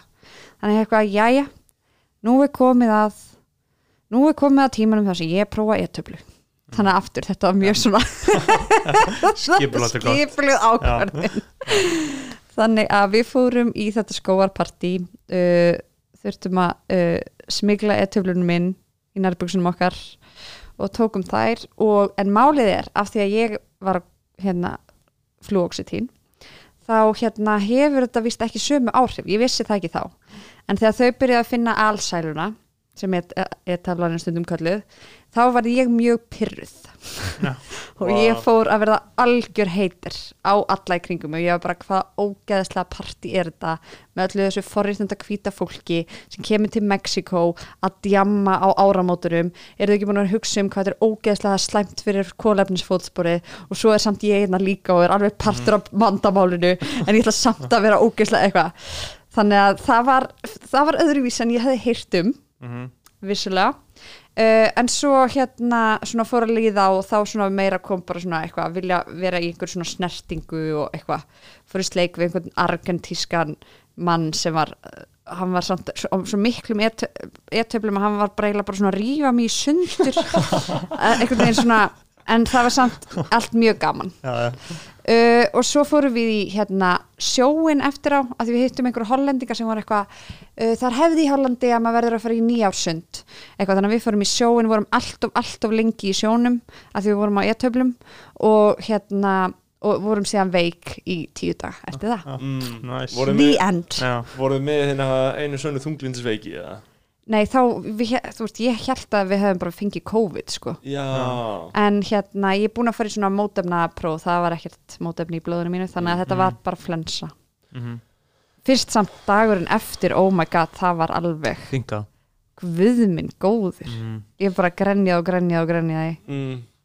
sko, mér langar mjög mikið að prófa þetta sitt mér langar ógeðslega mikið að prófa þetta Já. uh, eða MDMA, eða bara annarkvort uh, og ég ætlaði að gera það ég, ætla, ég, ætla, ég, ég, ég, ég horfði til þess að gera það í Berlín skilur já, en ég flutti heim vegna konuvinnar þannig að það, við sláum því að frest. Mhm. Ég kann ekki við það í Reykjavík. Ég meina hvar ámaður með góðu móti að vera poppaður Nei, í nei, Það veist? Mitt bara, bara, lokar elli og þú bara eitthvað rúlandi á hverfi skötu Það er líka alveg mjög löng víma sko. Já, þú veist, það er í svona í besta Það falli 12 gerur það á kaffibarnum og þá er það samt ég einn bara. Nei, ég held að væri meira að gera það eitthvað svona upp í bústað með vinum sínum Já. eða Já, eitthvað já, Já, en ég, er að segja, ég veit til þess að menn, menn stunda þetta á, á stöðum eins og kaffibarnum skilur við bara og, Já, og já, já, skilur já. uh, eða klubnum var Jeff út á Granda, við erum að býta honum sko. já, já. Er verið að opna klúb út Við erum á svolítið búin að koma Granda? það af stað já, já sko við, erum, bara- við erum að rúla því áfram sko. fá, fá, fá, fá Jeff á príkinu til Þetta þess sko. ó- Einmitt. óstaðfestar heimildir Er komið skoðanabræður. húsnæði eða? Eh, Það er í vinnslu. Það er í vinslu það er að verið gerast skilu að eh, líta á ólíka möguleika Mhm. um, jú, ég, ég, ég minn langar einhvern veginn til að prófa MDMA sko. alveg, Mhm. alveg, alveg 100% sko. það er með eitthvað svona psychedelic element í því sko. Já, ég þarf að fara, ég ætla að fara á klóstið og að því að við erum svo frásleif við gerum, við, við erum stoppað uh, ég, ég, við stoppum ekki því að haldi bara Nei, um að nei, tala við ég bara ætla að áfram. og síðan Og meiri hérna, bjór og svona. við, við kannski tölum um sveppina meðan þú ert í burtu já. já, sveppi, já, Já. endilega bara Já. þú veist, takt þú það og rætt þú þína sveppi. Hefur þú líka tekið sveppi? Ok, ok að það eru sko fyrstu eitilifin Já. sem ég prófaði, það var sveppir hvernig gerir það? uh, Það var hvað, 2016 Mhm. 2000, Nei, 2015 2015 og þá það var 25 25 ára Mhm. og það var, ég var hérna, þá var ég búin að vera í Reykjavík-dæturum í eitt og hálft ár Mhm. og einhvern veginn í svona rapsinu þá svona sér maður daldið af eitilífum, þú veist mikið að kókain í gangi og eitthvað Já. svona þannig að hérna, ég, við vorum orðnar einhvern veginn svo, að ég var orðin svo bara svona, það var búið að normalísera það svo mikið Mhm. fyrir mér þannig að ég var bara eitthvað er, var í New York og okkur hérna, með vinkunum minni, okkur sem að taka sveppi Mhm. og hérna, og við vorum ógeðslega fullar og við bara eitthvað, já, heldum Úff. bara að þetta væri eins og þú veist að Nei, að taka Nei. kókain eða eitthvað Mhm. svoleiðis þannig að við eitthvað, já, já, wow Mhm. bara því að það var bara eitthvað eiturlíf já, það er vist allt í góðu en Mhm. ekki að fatta að sveppir eru náttúrulega bara allt annað dæmi heldur en eitthvað á djamminu sko. Þannig að það var áhugaverð upplifun. Já, ég trúi því. Og hvað Í- gerist uh, við vorum segjand í íbúð. Mhm. þú veist, maður á líka að taka sveppi helst bara eitthvað út í náttúrunni eða eitthvað. Við vorum bara inn í íbúð í Brooklyn með einhverjum gaur sem við þekktum ekki. Uh, mæli, eða þú veist hann var samt sem betur fyrir bara flottu gaur. Mhm. og hérna og já, ég tók og ég hérna já, ég tók held ég líka bara ógeðslega mikið. Ég bara Mhm. hef ekki hugmynd, þú veist, ég fekk bara svona hlussu svepp, skilur bara eitt, stóra. Já, þetta, því hér er alltaf gefið í svona litlum skori niður eitthvað, en þarna fekk ég bara eitt hlussu Vá. svepp. Já, bara eitt portobello. Já, nánast. Og hérna, og borðaði hann svo bara eitthvað fór ég að finna og það var bara uh, fe- fekk bara svona nálat á við tunguna. Já, já og svo bara þurfti ég að tala ógeðslega mikið og ég talaði í svona þrjá, fjóra klukkutíma Mm. En varst full, full líka Já, Það segist þetta sumir að það sé aðeins einhver góð blanda sko. já er það Það hef ég að það sé góð blanda Já, að það sé allt í lagi blanda sko. Já, ég hef heyrt að þú veist, ég hef verið að segja fólki sem hefur verið að stunda sveppi eða eitthvað svoleiðis, það er bara og við Mhm. Já. hræðileg hugmynd sko. Ég meit að gera þetta á djamminu Það er ræðileg hugmynd sko. Já, þannig að en já, þannig að það var mjög gaman í byrjun ég var bara með, talaði stanslust var Mhm. með eitthvað uppistand í fjóra tíma Mhm. og svo hérna ég sá engar svona optionir ég var ekkert eitthvað svona veist, það var ekkert eitthvað svona psychedelic við þetta Nei, nei. svo bara hérna eftir þessu fjóra tíma þá hérna ringir fæ ég símtal að- og ég er í New York sett, og klukkan er orðin, þú veist, sex um morgun eða eitthvað ég fæ símtal og kem, uh, þá er þetta UNICEF Mm. þú veist, á Íslandi að ringja og ég svara ekki en ég, þetta kippir mig gjörsamlega inn í raunveruleikan Já. að því að bara eitthvað, hvað er ég að vera á einhverjum sveppum, einhverju íbúð í Já. New York Mhm. meðan það eru börn allan heim að deyja. Droppa eins og flugur þannig að ég bara fór bara úr því að vera ógeðslega hátt uppi bara Mhm. gjörsamlega niður og var bara eftir það þá, bara, þá þurfti ég bara ég bara grenja, eða bara ég grét og grét og grét og grét þangað til að ég kom niður á trippinu Já. þannig að já, Ok, það var sveppatrippið mitt. Já. Og þú er, þú er ekki gert aftur það? ég, ég, þannig að ég, þannig að ég takja fram fyrir hlustum þá er ég komin aftur. Og mér fannst, bæra, bæ, mér fannst mjög bærilegt að heyra þessa frásögn. Já, skilur allan að svona endan já, já, já, af því að uh, nei, nei, ég er náttúrulega ekki svona, svona, svona, svona leiðilegu við sveppi en þú, þú ert að prófa einhvern tímann? Já, algjörlega, þegar ég komin í jafnvægi. Já, já, já það er mikið. 29 ára Nei, en það, sko. svo, sko, einmitt, svo eftir á því Ég að, átna annan bjór þannig að þið vitið það líka hlustu mm, uh, en svo líka því að núna er, þú veist, það er svona komið miklu meiri umræð um sveppi einhvern veginn, svona þú veist, og verið aldrei að, þú veist, vekja því að þú veist, þetta er ekki bara eitthvað þetta er ekki dóp eða skilur Nei, við, þetta, þetta er alveg, það er hægt að nota þetta á einhvern veginn svona, mun, munurinn á þessu og til dæmis bara kókain eða spýta eða eitthvað skilur við, þú veist, þú ert ekki að flýja frá einhverju, þú ert að hlaupa í áttina að einhverju sko. og eins og Snorri sagði þess að mjög mikilvægt að vera í jafnvægi sko. að því þú ert að fara þú veist, uh, þú ert að, að díla við shit þú veist, þú ert að takast á við alls konar, alls konar shit sem er inn í þér sko. og þess vegna er þetta mjög frábröðið uh, öðrum svo kvöldum eiturliðum sko. út, út af því að veist, það er alls konar að koma upp einhvern veginn og ég held að flesti sem að taka sveppi séu einmitt að gera það til þess að vinna úr einhverju eða komast að Já. einhverju eða öðlast einhvern nýjan skilning eða nýja sín á hlutina sko. mm það er enginn að taka sveppi til þess að fá að gleyma kvíðan sínum í smástund Nei, skilja hvað meina, það er til annars stöf fyrir það sko. um, og þess vegna Þeir eru að ganga inn í, inn í einhverja vít sko. já já, í rauninni en sko. það, og ég fattaði ekki þá en sko eftir áhyggja þá er ég bara eitthvað já, wow, þegar ég síðan þú veist, fór, ætla, ætla að hafa ekki líka verið bara að rann örgla af mér þú veist, Mhm. á þessum tíma og þá fór ég í tengsli sjálfa mig og þá Mhm. bara, einmitt, bara grét ég og grét og grét og Já. grét Já, það er mikil sverði já, Já. bara já, það er rosalegt sko. En eins og hjá þér, ég meina, þú segir uh, í samvikið þetta, ég er reynda komin í söguna eftir að hafa verið frammi, ég veit ekki hvernig hún byrjaði Mm. en Mm. um, já, þú mistir hann að kynsvallinu ég, löst að Þú, það já. um, ha, Kynnsvallir. Uh, Nei, sko ég, þú, þarna, þú sagðir sko bæði með sveppina að þá hafa verið farið að leiða hugan að fátakum börnum, hvað segir það? Fátak börn? ég fekk símtal frá UNICEF. Já, einmitt, fucked up shit. Mm uh, Þú veist, þú fegst það og svo þegar þú varst í, í, í kvítafólkspartíun í Argentínu Já. þá fegstu svona eitthvað gilt Já. einhver, einhver, einhver, einhver, skammar tilfinningu. Já, um, Ertu þjöguð, ég meina ef þetta kemur fram ef þú ert að nota eitthvað er, þetta eitthvað sem þú ert með þjöguð af? Einhver svona sektakend er, er annað hægt að gera verandi, þú veist búandi á Íslandi og vera bara mesti forréttind að pjæsa í heimi? Já, Mm. Er þetta, þú veist, að því að þið ekkert með samvinskupið? Jú, ég er með samskupið, þú heyrir fyrirvaran sem ég setja það sem ég Já. segi, ég gæti ekki sagt að það veri ekki það dýrt að fara til sálfræðings án þess að bara koma með einhverja mjög já, erfiða útskýringu á minni aðstöði leiðinni, skilur Já. og maður er náttúrulega þú veist, ég ætla ekki að það væri náttúrulega hápunktur hápunktur aðna sektarinnar ef ég færi að sko kvenka mér undan því að vera svona meðvitaður um stöðuna mína. Og það, það er sérstaklega mm, fyndið að horfa á það núna því að hlustendur sjá þið ekki. En þú ert svona nýkliftur og í skirtu Já, skilur, ég, svona ég, ég er svona- svo smökklegur þú já, já, ta- taktu mynda mér þannig að þú getur síðan postað já, því inn í skoðana bara leið með bjórin líka, mér finnst það svolítið klassi já, mitt Þannig að um, Nei, já, ég, ég var að segja skilur um, er, er, Ertu þjáð Ertu, ertu þjáð af, byrju, ég ætla að pósa hérna fyrir myndina. Já, Viking Light. Það sponsaði ja, Nei, já, er, Viking Light, ég sagði Bríó líka. Já. og ímsir aðri bjórar, Guð, Mhm. Túborg, Klassikur sem framvegis. Mm, uh, Þannig að, já, ertu þjókað þessu? Uh, Þú veist, Já. ertu, ertu alltaf að pæla í, ég sé ekki alltaf Nei, ekki ertu alltaf, en ég pæla alveg mikið í þessu. Í forhundum Já, alveg bara uh, Já, ég geri það. Og, og mér langar að vera Og- betri manneskja. og hvernig er hægt að skilur og svo er það alltaf snildar forhunda vandamál að Mhm. díla við forhundin hvernig, veist, Mhm. að, að það sé vandamál skilur, að, Já. að okkar vandamál sé að díla við hvað Já, maður hefur það gott. Já Þannig en okkar vandamáli er samt eiginlega meira þú veist að hvernig get ég hérna uh, tekið minna pláss þannig að aðrir geti tekið meira pláss já, sem að vantar pláss. Ok.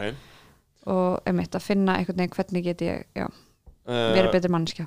ég meina samkvæmt því mm um, og þá segi ég alltaf bæði í grínu og alvarleika þá ættum við til þess ekki bara að halda út í hlaðarpi af því að- þetta er einn sem við gerum einn sem við erum að gera er bara við erum við og við sittist bara niður og tölum og við, við tökum pláss skilur um, og mér finnst það viðbjör og þe- þegar veist, að við séum að taka þetta pláss. Já, bæði bara og að við höldum sko yfirleitt bara út í hlaðarpunum sko já, já, og þegar, þegar, þegar fólk á förnum vegi er kannski hefur hlustað á einhvern þátt og segir já þetta var gott skilur þá segir ég bara sorry. Ég bara ég alvörunni mér finnst ógæslegt að gera þetta og á ártu segiru sorry? Já þessi, ég, ég hef oft oft sagt bara ég hef oft sagt bara já hvað er þið búin að gera marga þætti? Þetta er 60 þætti eða eitthvað þetta er 60 ást í þátturunni uh, Þú segir ekki sorry við, er það? Já, þú ég hef Það er alveg að segja Ok, satt, ok. ég alveg þú veist, og, og, og þetta er náttúrulega líka ákveðin tilgerð í því að ég segja eitthvað sorry. Ég myndi auðvitað ekki gera þetta ef ég veit ekki gera þetta skilur Nei. Eða ef ég triði ekki, að því, að, triði ekki á að einhver hefði áhugaði að hlusta þetta Já. en skilur um, mér er svo aðtilsverði sér sagt að því ég tengi svo mikið við þetta þú veist, að maður Já. hugsa einhvern veginn bara uh, maður er svo bara þú veist, allt sem maður gerir er óhjákvæmlega að lita af að blindu á aðstæðum annara skilur, bara að Einmitt. gera þetta er að, er að sjá ekki aðra en ég meina augljóslega til þess að sko komast í gegnum lífi þá þarf maður líka að horfa framhjá því Já, bara algjörlega. í 90% tilvika skilur Já, en, 95 en það er samt, samt ekki að líta fram hjá því meðvita en þú veist, maður þarf að halda áfram með sitt líf einhvern veginn og gera áfram það sem maður einhvern veginn hefur brennur fyrir að gera og Mhm. þú veist, ykkur finnst gaman að gera þetta podcast og Já, þú veist, það er eftirspurn. Mm. eða bil, hvað? bil eftir spurn eftir spurn já, já, en þú veist það er bara eins og það er en, en, en, en þú veist, en þá bara mér finnst þetta bara aðlega mikilvægt þú veist, um að hérna þú veist, bara vera alltaf tilbúin að hlusta er það ekki? jú að því að, að því að mér finnist sko svona fyrirsánlegt og leðileg pæling væri sko þú veist mikilvægt að vera meðvitaður um það sem er að gera því það, þú veist, mér finnst það ég meina út frá því að ef maður ætlar að uh, bæta heiminn að einhverju marki í þessum uh, efnum Já, þá náttúrulega er meðvitund manns ekkert mikil svirði skilur, meðvitund ein og sér skilar ekki miklu. ég, ég get verið en ég, ég bjarga mér svolítið með meðvitundinni ég er mjög meðvitaður um allt þetta fucking shit og ég er alltaf einhvern veginn svona að vísi í það það er samt mjög gott að vera meðvitaður. Já, með einhverju íróni og eitthvað slíkt skilur en það er ekki eins og maður sé einhverju svona einhverju raunverulegu réttinda stríði fyrir nei, nei. og, og auðvitað getur maður heldur ekkert verið það endilega. En en, uh, en eins og í sambandi þetta að Ég held að sé bara mikilvægt að já, hlusta og bara eitthvað einmitt vera ekki en þú veist, og svo veit ég það ekki. Ég er algjör forréttindaplebi já, Mhm. þannig að það var bara eitthvað ég held að ég sé að gera rétt núna og hérna please látið mig vita ef ég get ekki gert eitthvað meira. Já, og ég mun, ég ætla samt líka að lesa mig til og ég ætla að hérna reyna að vera, eh, þú veist reyna að stuðla að því að ég sé að hérna stiga rétt til jarðar. Já, Nein. Já ba- bara absolutt og, og ég held að og hjálpi þessari, þú veist, baráttu. Bara einhvers konar, einhvers konar baráttu eða líka bara svona að vera ekki fáviti og ógeð, Mhm. skilur mér finnst það, það er mitt leiðaljós, að vera ekki bara svona algjörlega augljóslega fáviti og ógeð Já, skilur, Já, bara, Bara- raun, bara, bara raunverulega valda samfélagin skada þannig að það sé ekki bara eitthvað konsensus bara, snorri, já, hann er bara fáviti og ógeð og gerir mikinn skada, Já. hann er mjög skadalegur hann er bara rosalega skadaleg fígura, skilur það, væri, það er bara, að því að ég, ég hef ekkert kannski mjög mikla trú á mér sem mik mikið umbót og afl en en þú hefur mikið heyrðu, þú Eh, hefur hérna fyllt að hlustendum og eitthvað svona og röði podcast vinnur á, framvegis. Já, já. vinnur á Morgunblaðinu. bara hefur rosalega rödd í Já, samfélaginu já. Þarna, já, já, við, við nótum allir góðs við Já. gerum það en ég var einmitt á Við þessum nótum vi, vi reynum það. Á þessum nótum, á þessum nótum þá vorum við alltaf að tala um hérna sko, skoðanabræður. Við byrjuðum þetta hlaðar 2019 og ég vil ekkert vera alltaf sálgörurinn en þetta varpa ljósa það sem við erum að tala um. Eh, þá vorum við alltaf að velta þessu fyrir okkur sko, hvort að það mætti segja skoðanir en þá. Og við vorum mjög heimskir mjög, fyrir mjög stuttum tíma ekki ger- mjög þetta gerist voðalega hratt sko. Já, Já. en ég man bara, ég var með þetta heilanum að fólk, sko, að það væri einhvers konar stemning í þjóðfélaginu þannig að fólk mætti ekki segja skoðanir sínar skilur og núna er ég miklu meira á þeirri skoðun að bara já, þú veist um, það koma nei, neikvæð viðbröðu og segir nasíska skoðun, Já. skilur Mhm. einmitt uh, það er þannig þú sem ég líti á bara það að þurfa að sko. standa með eða, þurfa að standa Já. með því sem þú segir Já, ég meina, þú, þú, þú segir eitthvað ógslegt og fólk segir eitthvað svona, hm, já, þetta er smá ógslegt þú að því að þetta er Já. ógstlega leðilegt fyrir þetta fólk og eða þetta fólk eða alla og það er tilgangslist að um, hleypa þér upp með þetta uh, cancel culture skilur, þetta bla bla það bla er einmitt hva- hvað er að tala um það? já, að kannski, um hvað er að tala um það? Að því, Uh, góð það er dálítið brútal sko. Góð íslenska, sniðmenning. Sniðmenning, vá, Það var það er flott. þetta er góð íslenska. Sniðmenning. þetta- þetta er gott. sniðmenning. Ég er er, er ekkert svo að viss um? Ég er ekkert svo viss sem að hún sé gildi á Íslandi sko. Mm. Ég veist allir komast upp með allt. Það er smá stormur í vasklasi Það Björn gerist Bræði er ekki cancelled, verðist Nei, vera. Nei. Björn Bræði er ekki, alls ekki cancelled sko. mm. Uh, ég veit ekki sko, af því að ég heldur trú ekki á því að, þú veist mér finnst, ég trúi því svo mikið að allt fólk er gott. Já, og þú veist, svo bara hefur maður upplifað alls konar og þú veist, ég var einmitt einhvern tímann að, uh, að því að við vorum að pæli hvort við ættum að taka fyrir, þú veist, siðblindu í þessum heilabrótstáttum Mhm. en þá, þú veist, þau var bara kynnti mér það mjög lítið. En þá er svo ótrúlega lítil þú veist, ég held að sé kannski þú veist, 1% þjóðarinn eða minna. Ég held að sé, já kannski tveir á Íslandi sem eru siðblindir þú veist, alvöru siðblindir það? já, það er einhverju sem eru þú veist, egocentriskir eða hvað heitir það hérna uh, hvað er aftur orðið að vera hérna Sósiópati í að vera svona sjálfs Sjálf uh. Sko Sósio, hvað er þetta? Við erum sko með siðblindu uh, Sko- Við erum með psychopaths og sociopaths Já. Sociopati er það væntalega siðblindingi eða já. Já, já, þetta er allavega bara rosa fáir í heiminum sem eru siðblindir með Já, svona já. eiginlegum hætti Já. ok af því að þú veist, þá er það bara eitthvað að þá ertu alveg ískaldur já, Já, finnur ekki fyrir neinu og það er bara eitthvað, já, Já, nei, það er skilur. ekki takt að taka það fyrir í sjónvastætti, þú veist, það er ekki takt að fara í taka einhvern viðtal sem er siðblindur. Mhm. eða það er ekki að fara að koma Einmitt. út úr því sem að er hægt að einhvern veginn En mér finnst sko, sko. mér finnst aðtillisvert að heyra að það séu í raun og veru svona fáir sem eru með svona Já. formlega siðblindu sko, af því Þetta er- þessu- þessu er hent rosa þessu mikið fram. Já, já, þessu slengt já. rosalega mikið fram sko, sem svona, þú veist, allan eins og ég upplega þetta orð sko, sem svona alternatífi svona skarra alternatífi við sko, einhverjum geðsjúklingum, Já. þú veist, ef einhver segir bara já, hann er, hann er, psycho, hann er psychopath já, bara nei, nei, hann er bara siðblindur. Já, Já, Smá nei, siðbundur nei, nei, nei, nei, nei, nei hann, hann er bara siðblindur skilur, og ég eins og ég skilir núna og þetta Já. kannski bara einmitt aðna, sko ítrekkar þann grunn minn að þetta sé miklu alvarlega sko. já það er það að, sko að því að þú skilur þarna ekki að aðrir hafi tilfinningar, þú Já. skilur ekki að þú ert ekki að bara, þú ert ekki að þú veist, spila sama leik eða þú veist, það er bara ekki að sami gangi í Nei. hausniðinum sko. A- Allt önnur upplöðun að lífinu já, Mm. þannig að ég he- trúi svo mikið á það að bara einmitt, fólk er gott það vilja allir hérna uh, gera sitt besta uh, stundum þarf maður bara að útskýra eins betur fyrir sem heldur en öðrum einhvern veginn, Mm. þannig að einmitt, ég trú ekki alveg á þetta cancel dæmi Nei. og Sko- líka þú veist tengt eins og druslugöngun og eitthvað svoleiðist þú veist að hérna, þú veist hvað er komið mikil svona umræða um einmitt að hérna uh, setja skömmin á réttan stað og eitthvað svoleiðis þú veist þá verður maður líka eða þú veist þá er svo mikilvægt fyrir okkur að hérna að gerendunir þú veist við erum ekki að fara að cancela þá en þú veist þeir þurfa þeir þurfa hjálp af því að það er Mhm. greinilega eitthvað off hjá þeim skilur Mhm. einmitt, já, akkurat þú veist, e- að að það, eh, þú veist að, já, það, mér finnst að eigi allir rétt á því að hérna að fá að bæta sig einhvern veginn. Mm, að sé sviðrún til þess og að Það- umræðan það- snúist að einhverju marki líka um sko að því að rót vandans er uh, karlarnir sem eru að nauðga skilur Já. Mhm.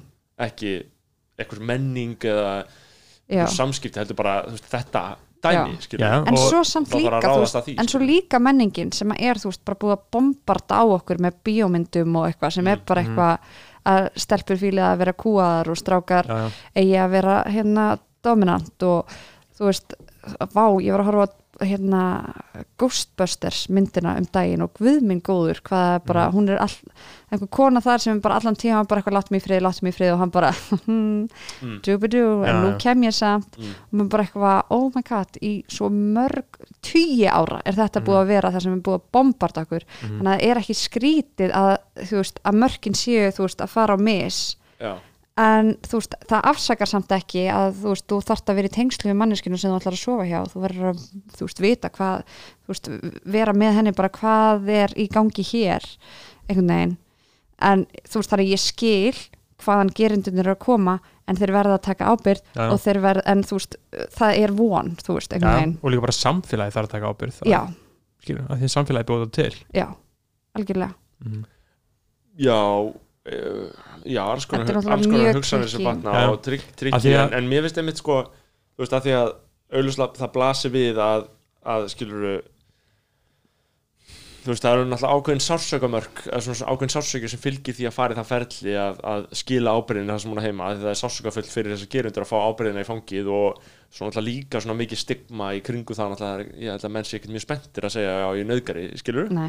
Þannig að, líka af því að hvernig það hefur verið áður er bara eitthvað að þá ertu bara, einmitt, cancelled. Einmitt. Mm í stæðin fyrir að fara í einhvers konar svona mígra og eðlera veist, mikroeðlera ferli Hvað- skilur, það er ekki gott orðalag en, en, en, en það er að einhver leiti sem við erum að tala um skilur, Já, eða bara að einhvers konar samvinnu dæmi, ég meina það er hugmynd. Ég er Já. ekki talsmaður að sérstakur en bara það Nei. er, það er sjónamið eins og sáu þið hérna sjónvarsmyndir þarna mannasiðir já, þú veist, þá var einhvern veginn daldi verið að þú veist, einmitt, verið að sína út frá já. daldi gerandanum Akkurat. sem er, þú veist, einmitt, hann það var, og hann bara, hann, hann fokast upp einhvern veginn líka einmitt og bara þetta, það var einhver það var einhver uh, tengsla leysi skilur þeirra á milli Mhm. en þú veist, einmitt, hann var honum þótti þetta ótrúlega leðilegt einhvern veginn og þú veist, er samt góður strákur þú Mhm. veist og líka þú veist, að ég held að stoppi okkur svo mikið að þú veist, að það sé svona hérna að, þú veist, mála upp þessa mynda þú veist, að það sé, þegar þú nöðkar einhverjum þá ertu bara ógeðslega manneskja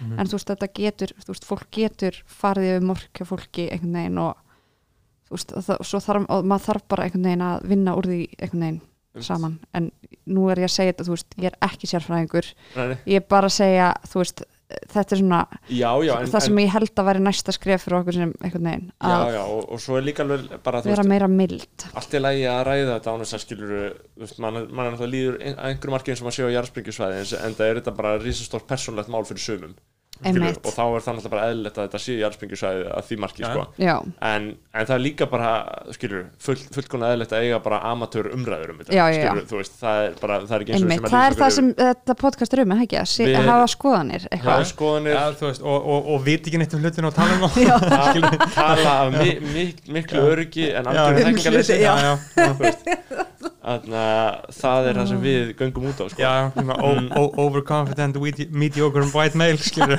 feelingur skilur uh, sko það, það er aðalsmerki okkar sko. Uh, En ég, ég held að sniðmenningin sko, það sem við erum að tala um. Já, og mér, mér, mér finnst áhugavert, það ekki við líði sko. Nei, maður, bara, hva- hvernig maður hefur séð þetta gerast á Íslandi með svona, bara svona gaurar í umkörnum hans, svona maður veit hver er svona, hafa verið uppvísir af kynfyrirsbótum, skilur Mhm.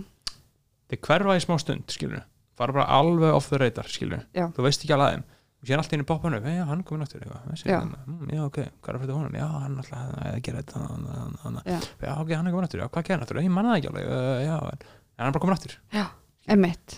Og tengið við það þú Já, ma- ma- ma- maður sér þetta, skilur Já, en ég menn, meina menn, menn, menn svona snúa, snúa tilbaka, sko. En ertu að segja að maður eigi að taka einhverja tiltekna afstöðu Nei, til nei, nei, nei, Nei. Ég, ég, er alls ekki að segja það, ég er bara að segja að þetta er svona það sem að ég Svona er að fylgjast með, sko. Veist, þetta er eitthvað sem allir íslendinga tengja við. Já, já. Við vitum af svona, það hefur eitthvað nokkri svona menn Já. svona hafa þú veist, uh, framið viðbjóðsverknað og einhvern veginn hverfa koma síðan svona smátt og smátt tilbaka sem er náttúrulega ættu að fá að gera, er það ekki? Einmitt, þetta er svo trikki, þú veist, að því að þú veist, það sem, ok, það sem mér fyndist ideal, það væri þegar einhver stígur fram bara, heyrðu, mér var nöðgað að gerendur segi, ok, fuck fyrirgjöðu ég hérna, þetta var ekki í lagi, ég var að lesa þetta vittlaust uh, það er, hérna, hvað get ég gert til þess að bara bæta þetta upp? Og þú veist, af innilegum, þú veist þetta er ég að segja að því, mér hefur ekki verið nöðgað, ég er ein af Mhm. heppnum sem hefur ekki verið nöðgað, þannig að þú veist ég er ekki að tala út frá, það getur vel verið þú veist, að þetta sé ómögulegt, að þetta ferli þetta ekki sé ómögulegt skilja, það er einmitt. einhver aðstæður sem það er þannig. En ég er að segja þetta í einhverju bara svona mjög eitthvað svona sterilt, bara eitthvað svona Mhm. Bara að bera ábyrð á því bara já, þetta er rétt, trúum henni þú veist, ekki að fara, þú veist að heldur kansela henni, af því að það er bara af því að þú veist, hún fara alls bara á sig að hún er legasjúk, hún er aðteglisjúk eitthvað, hún var bara að reyna hérna, grafindan honum. Uh, að, einmitt, hann fái hjálp hún fái hjálp við að vinna úr þessu, af því að pæliði líka í því bara, þú veist, uh, svo traumatizing fyrir bara alla aðila einhvern veginn. Mhm. og já, og svo þú veist þá einhvern veginn þegar það er bá, báðir aðalega búin að fá hjálpa þú veist, þá er þetta ekki uh, blettur á þeirra þú veist, lífi það sem eftir er. Þú veist, þetta er Akkurat. ekki stelpunni sem var nöðga og strákurinn sem nöðgaði skilur við, að það er Mhm. bara þú veist, frekar bara að þetta sé einhvers konar ég minna þetta er náttúrulega útópískar umræðina hjá okkur Já. skilur, en frekar þetta Mhm. sé bara einhvers konar uh, mjög erfitt ferli þar sem að samfélagi allt dregur einhvern lærdóm af og þau líka, já, punktur, styrkleiki whatever, skilur uh, en það eru dystopískar umræðina, það er alls ekki allar aðstæður sem bjóða upp á mjög farsara lausnir og bara nei, einmitt. hræðir þetta og, og, og uh, og svo einmitt, og svo er náttúrulega bara eru alls konar útgáfur og blala Já, en, en bara þetta að, þú veist, mér langar svo að, að það er eins og þetta er núna þá er, við erum eitthvað ekki að tala um eitthvað, við erum eitthvað ekki að viðurkenna. Nei og, og það, það eru í svona málum, alls konar málum þá eru ótrúlega svona kannski skipta skoðanir á einhverju máli eh, og mismundi hvar fólk tekur afstöðu en aðeins ein hliðin er upp á yfirborðinu og það er einhver hlið sem allir taka afstöðu ofinberlega til en hugsa sér eitthvað annað. Og þá er komin einhver svona misræmi í um, alvöru uh, skoðun á hvernig hefði átt að taka á einhverju máli og bara línunni sem allir er að taka. Bara línan þetta er rétt og þetta gerðist og uh, þessi er vondur og þessi er góður skilur uh, það misræmi veldur náttúrulega auðvitað einhvers konar galla í þjófélagsumræðinu skilur ef að, ef að fólk er ekki að segja það sem það hugsa sko. já, Já, og Eh. með, með einu læki tekur afstöðu, skilu já og bara ef þú- ef heldur Það er enginn að segja mér að fólk sé ekki að skoða ef einhver skema, ásakar um eitthvað já, já, vernda sig á Facebook og einhver læka þá Já. ertu automatically búin að já, Já. samkvæmt einhverjum samfélagsreglum þá ertu búin að segja að þetta er rétt Já. já,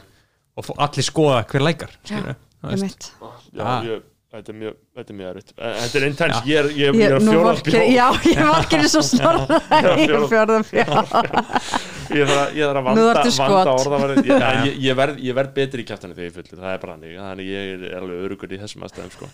uh, sko, við vorum að tala um sniðmenninguna. Ég get alveg talað um Já. það. Og ég, ég nota þetta orð aftur og aftur til þess að svona kemur orðið minni í íslenskan orðaforða skilur sniðmenning. Er og hvað var aftur aðan klóak pókar Eh, já, klórpókar Klórpókar. Já, já, já. Þannig að sko ég ímyndaði mér á einhverju tímpúti að það væri verið að gera þetta að, aflýsa mönnum. Já, uh, mér finnst það ekki gert sko. nei. Mér finnst þetta aldrei gert og hver er, einmitt, er, einhver, er búið að aflýsa einhverjum á Nei, og munurinn er sko fólki sem er geð mikið á móti þessu uh, sérstaklega svona að maður tekur umræðan í bandaríkinum sko. Já, það er svona Jordan Peterson, Ben Já, já, Shapiro, Nazi sko. út af því að sem sagt, það er bara svona mjög mikið establishment sko, út af því að núna er fólkið með vald til þess að aflýsa hverjum Mhm. einum skilur já, í gamla daga var þetta bara corporate media skilur, þetta var bara CNN, NBC sem var bara hei, hey, einmitt. bara, hey Monica Lewinsky, þú ert cancelled skilur, bara þú ert fucked. Oh og bara hei, þú þarna, þú ert cancelled. Er enda að gera það Kanye, skilur þú veist, þegar þú ert með svona of þú ert bara alltaf ómiklum usla, skilur þá kann þetta fólk cancella þér, sko en núna er valdið svolítið mikið komið yfir til almennings, skilur Mm. Twitter múurinn, skilur, Shit. getur gert þetta og Einmitt. svona establishmentið þannig í bandaríkjunum er ekki alveg nóg sátt með það eins og það var þarna mjög svona langur listi sáu það svona petition gegn cancel kultúr, sáu það ekki þú veist, það var bara fullt af einhverju svona Já, það var einhverjum, eitthvað, þetta skrýtna bríða sem Harper, já. svona prófessorarnir. Já, já, og Chomsky og einhver svona fleiri hugsaður skrifu undir það, sko. Já, finnst það ok algjört bullshit sko. Já, gegn, Eh, gegn, gegn þessum segi, það, það, það er fullt af fólki alltaf að tala gegn cancel kultúr en mér og að sé einhver svona Obama líka. strámaður sem er ekki til sko, því ég skil ekki alveg þú veist hverjum er verið að aflýsa með þessum hætti sko. allan að þetta hefur ekki verið á Íslandi kannski, veist, að því að fólk, fólki líður minna, þú veist, að þegar, þú veist, bara Pétur Jóhann var með þetta vídeo á þessum daginn, skilur við hún er ekkert aflýst, skilur við þetta er eitthvað svona, það koma mjög sterk viðbröð bara, veist, þetta er mjög óásættanlegt og viðbjóðslegt dæmi sem þú ert að fara fram með þarna Mhm. uh, og hann segir ok, já ég, þarna, ég byrst afsökunar ég uh, það var ekki mín ætlun bla bla bla, eitthvað að særa. Og þú veist, og ég veit ekki hvað ég á að segja meira við því, sko. Ég er náttúrulega ekki, sko hann náttúrulega baðst afsunar á nákvæmlega sama dæmi fyrir eitthvað tíu já, árs. einmitt, það er svona, Já, hann er ekki beint lært að reynsluna, hann er með þetta sama dæmi í gangi, sko. En þú veist, hann lætur þessi heyra og þá er það einhvern veginn bara búið og skilur hann verður samt bara áfram í einhverju ölsingu og bara feskur Já. og það er alltaf læg og ég, Já. ég sjálfur hef ekkert eitthvað svona ég held samt sko að þú veist uh, það getur vel verið að hann þú veist hafi, ég, án þess að vita þá get ég samt alveg trúa því að þú veist það minkar aðeins atvinnu frambúð fyrir Já, já. þetta fólk að einhverju Já, sko já. já, einhver er svona, veist, Ah. Íslandsbanki er ekkert að draga hann í marathon herferðina eftir þetta nei. einmitt um, og, Það er en- bara er það. heldur ekkit að fara að vera andlit Nei. hérna eitthvað þá fólk getur við- haldið sér á floti- eða Mhm. eða whatever sko Um, þeir finna sér einhver leiðir sko. Já. Þetta eru erfið umræðum, mér líður bara illa býtu um, Við getum, förum yfir í eitthvað léttara. Við förum í léttara, Já. yfir í léttara Nú vendum við hvað okkur er kross. Já, að og kemur lítið lag og Já. svo verður komið hérna hressar umræða. Uh, Sko, heyrðu, við mér- glemdum alltaf að sem sagt, spura þig hvað það er sem að þú gerir. Já, Já, ummitt, Já. Gott að Hvernig, hérna myndi ég, hvernig myndi ég skrifa þig? Að, að gera það núna klukkutíma og 25 mínútur sen já, inn í viðtalið já, þú veist uh, þú Eh, ert dagskrá, gera það já, maður ég- eða kona, hvort segir maður bara either way já. já. mm, Uh, og ég er hérna spjönleikari mm -hmm. og ég er uh, rappari Mhm. og já, allir það sé ekki bara já, uh, sjónvarpsmaður.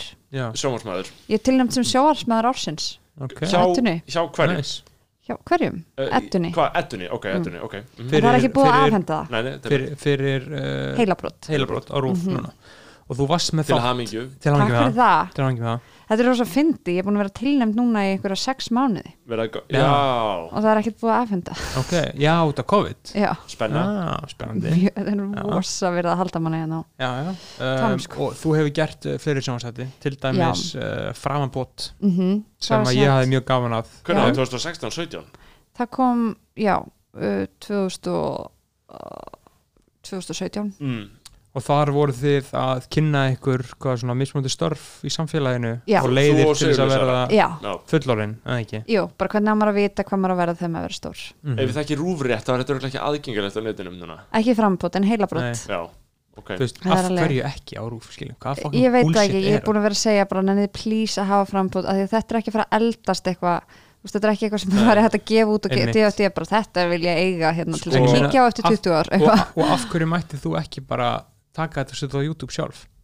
Uh, bara því að þetta er framleitt af sagafilm og brúf borgar eitthvað fyrir þetta og það er bara svona alls konar eitthvað pappir sem en það skilur. er, ertu alveg viss, skilur, hefur þú tjekkað á því? Ég er búin að vera, já Aha. ég er búin að vera alltaf bara við sagafilm og rúf, bara getur Já. þetta please verið inn á rúfvefnum, bara þú veist ég þarf ekki að fá neitt fyrir það, bara já, að hafa þetta meðan þetta er ennþá relevant Fátt sem gerir Já. mér brjálaðan sko. Pæ- Það sem pæli í gerir því. mér brjálaðan sko. rúf er bara að kaffæra og skemma eigið efni með þessu bara Já, láta það týnast og hvers konar stefna? Akkur er ekki bara eitt stefnustjóri? Já. ég veit, ég held að þetta- er sko það var einhver sem líst þessu að vera að vinna á rúf það er eins og að hérna synda í sírópi þú veist, það er óksla, þú veist, einmitt, það er þarna almanna fjö, bara þeir Mm. fá, en svo er bara allir verkferðlar, þú veist hvernig struktúrin er, þú veist, það er allt tekur óksla langan tíma, óksla flókið óksla mikið Mhm. pappir sem er lítill peningu fyrir hvert og eitt verkefni verður að delivera óksla miklu, þetta er bara svona þú veist, ég skil, ég skil þetta ekki en þú veist, ég virkilega búin að vera bara, getum við please haft þetta inni? Já. af því að þetta er að, þú veist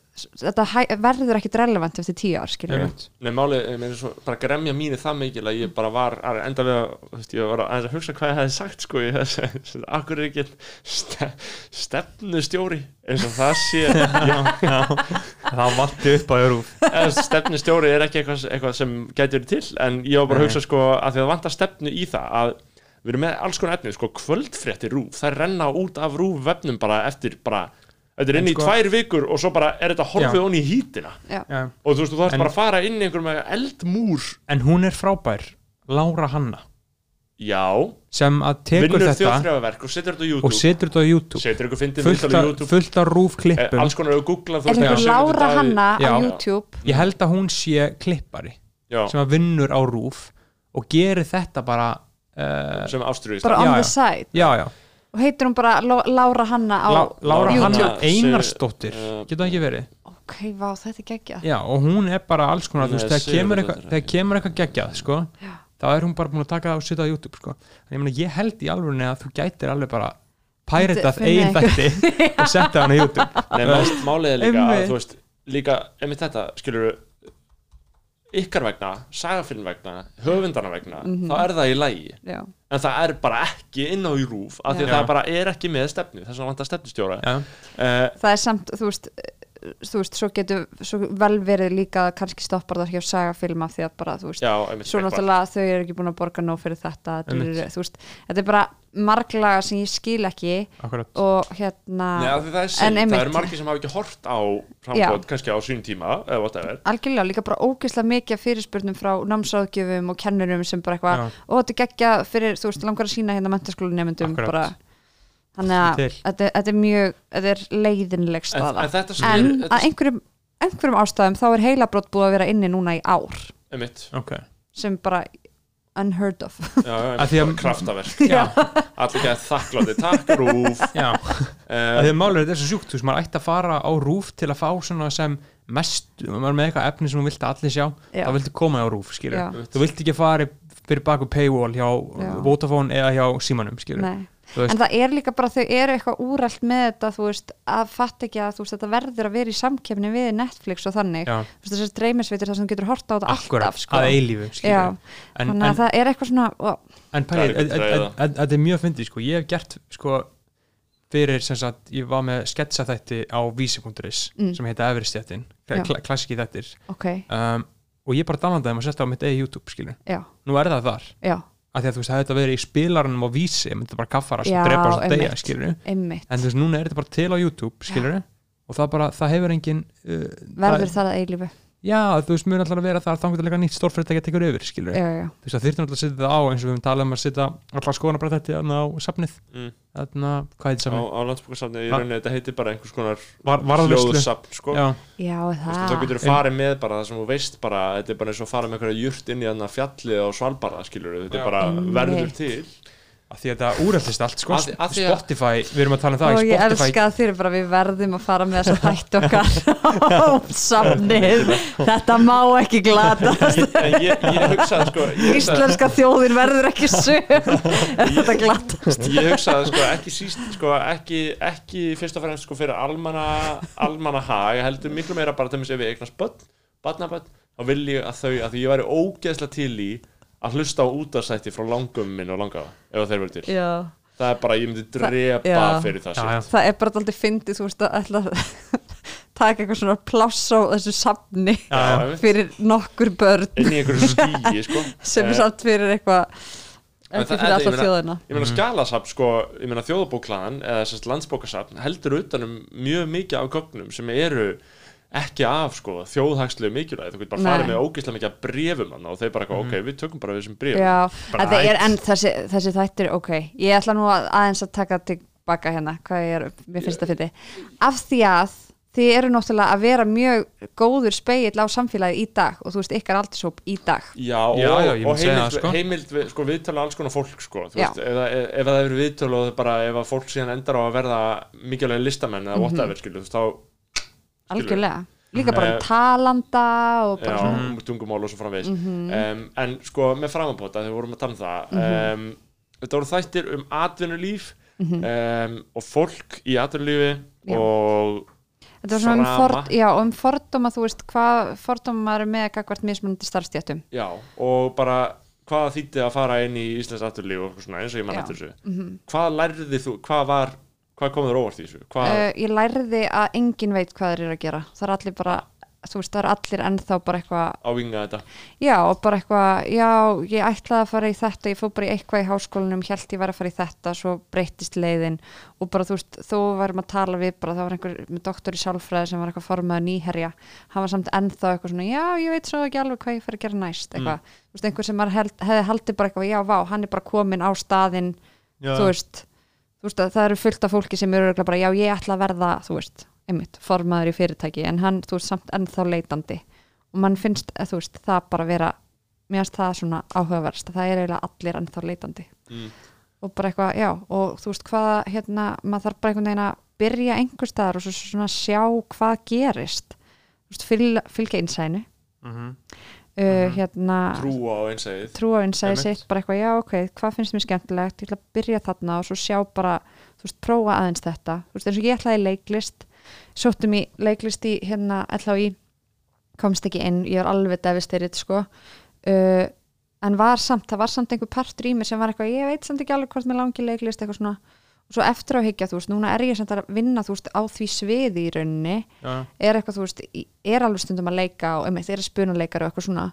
En ég er samt eitthvað þú veist, ég hefði, ég hefði ekki blómstrað sem leikona þú veist, leikona sem lærir texta og gerir, þú veist, hlýðir skipunum eitthvað, þú veist, það, já, ég er svo mikið, þú veist, ég þarf að vera líka sem ég sjálf, ég þarf að vera einhvern veginn meiri í þessu lifandi einhvern veginn umhverfi þannig að þú veist, og ég vissi það ekkert á þeim tíma, en ég allavega prófaði ég bara lagði af stað, prófaði að fara í endurkupróf þar, gekk ekki prófaði að fara í endurkupróf í læknisfræði, gekk ekki uh, prófaði að fara í efnaverkfræði ógeðslega leðilegt fór, þú veist, svo bara svona gerðist lífið og það bara svo, svo kemur eitthvað það sem bara, ó, vá, ok, ég fíla þetta geðt mikið og þá halda áfram þar einhvern veginn ég, Þannig að- ég er að gera þetta, þetta nokkra klukkutum á dag, ég er að vinna í einhverju verkefni, ég fæ smá laun, Já. það er hugsanlegt að lifa þessu, Já. þetta er næs og svo bara vindur það upp á sig, þú veist.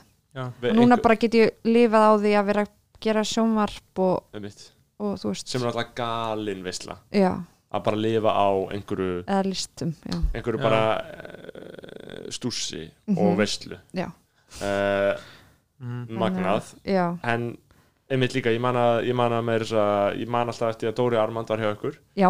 Uh, hann var að mynda að segja að hann er lögfræðingur. Mm og er með mistarbróður lögfræðing, hann fór alla leið með skilur um, en hefur hann bara, komið hingað til ykkar Nei, hann á eftir að koma, hann er alltaf leiðinni. Já, hann, hann, hann kemur einn daginn. það verður, það verður öflugur kallmannaþáttur þrý, já, já, þrýr íslenski kallmann já, já, um, en það er einmitt áhugavert sko að fólk geti söðlað um bara þrítusaldur og svo framvegis. Einmitt. Hver veit nefnum að gera sjálfur.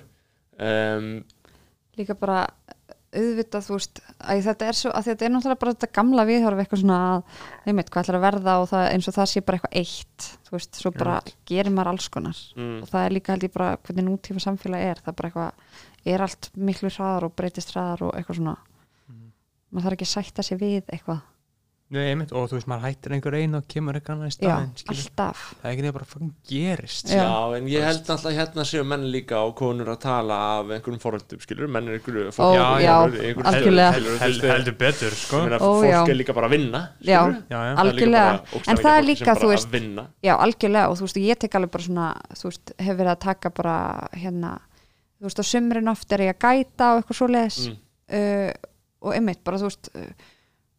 fá salt í grötin, þú veist, borga leiguna maður auðvitað, maður verður að maður getur ekki verið bara eitthvað á einhverjum þú veist, upp á einhverjum hestiskilur Nei, það verður bara, auðvitað verður maður bara að gera en svo kem, koma tímabil þar sem maður er hægt að geta þú veist, finn, Hva, Hvað hefur verið að gæta? Af því að við erum náttúrulega með túrismann og koronaveiruna og svo frammiðis og mm ég er enda eiginlega ekki mikið búið að vera að gæta núna í tvö ár Nei, en þú hefur einhvern tímann gætað já, ég tók alveg fjögur sumur þar sem Já. ég var að gæta alveg mjög mikið sko. í bara einhverju svona gullar hringnum nei, það heitir Inside the Volcano Ok, já, það er upp í Bláfjöllum þrínúgagígur heitir það Mhm. það er svona eina eldfjallið í heiminum sem er hægt að fara inn í mm, þú veist þetta Ok. er svona fun facts. Mhm. mm.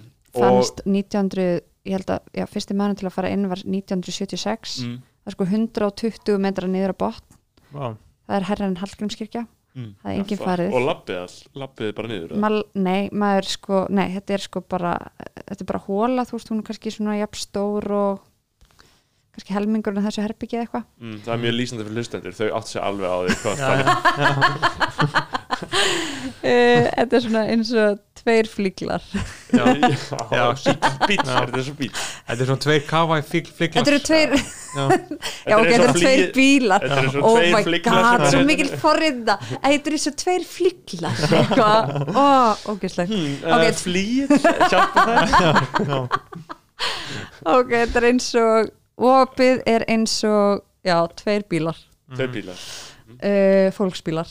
Mhm, um, hérna, og það er svona mjög þröngt uh, efst og það er svona bara hérna, það sem eld, uh, hérna, kvikan var að koma upp og svo þú sem fer maður niður 120 metra þá opnast það upp og það er alveg bara svona rísa bara svona kvelving þarna niðri sem er bara jafn stór og hvað það, eins og hérna svona fótboltavöllur. Mm mhm. stærðin á því. Og þú getur, það, það er það, túristættin fara þannig niður. Já, en maður verður að fara í liftu Ok. maður fer niður í svona svona, þú veist, nú kann ég þetta allt bara á ennsku, svona window cleaning lift veist, eins og til þess að þrýfa gluggana á hörpu eða eitthvað, já, þannig að því það er það eina sem passar í gegnum þetta þrönga op þannig já, ég gerði það. Og þá ferður niður í svona stórt rými og þá ertu með túrista og að tala við alls konar fólk frá alls konar löndum að því núna saknaði túristan svo mikið. Já, ég, ég væri bara, ef ég væri á förnum vegi og ég myndi hitta ferðamann þá myndi ég bara ræða við hann og spyrja bara hvað er að gera á Íslandi. Já.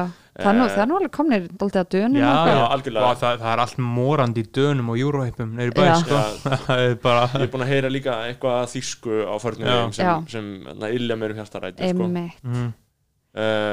mm, túristætnir, ég elska þá. Þeir eru góði fyrir hagkerfi, við Já. viljum fá það aftur. Mhm, COVID er búið í lok 2021 þá eru við laus við þetta. Já, þú, já, einmitt. Mm. ég vona Mhm. það. Ég er, ekki, ég er ekki mjög bjart sín á neitt varandi COVID út af því að bandaríkin eru ekkert að taka á þessu. Mm. nei, nei. þannig að Ég, ég kom ein- þaðan sko.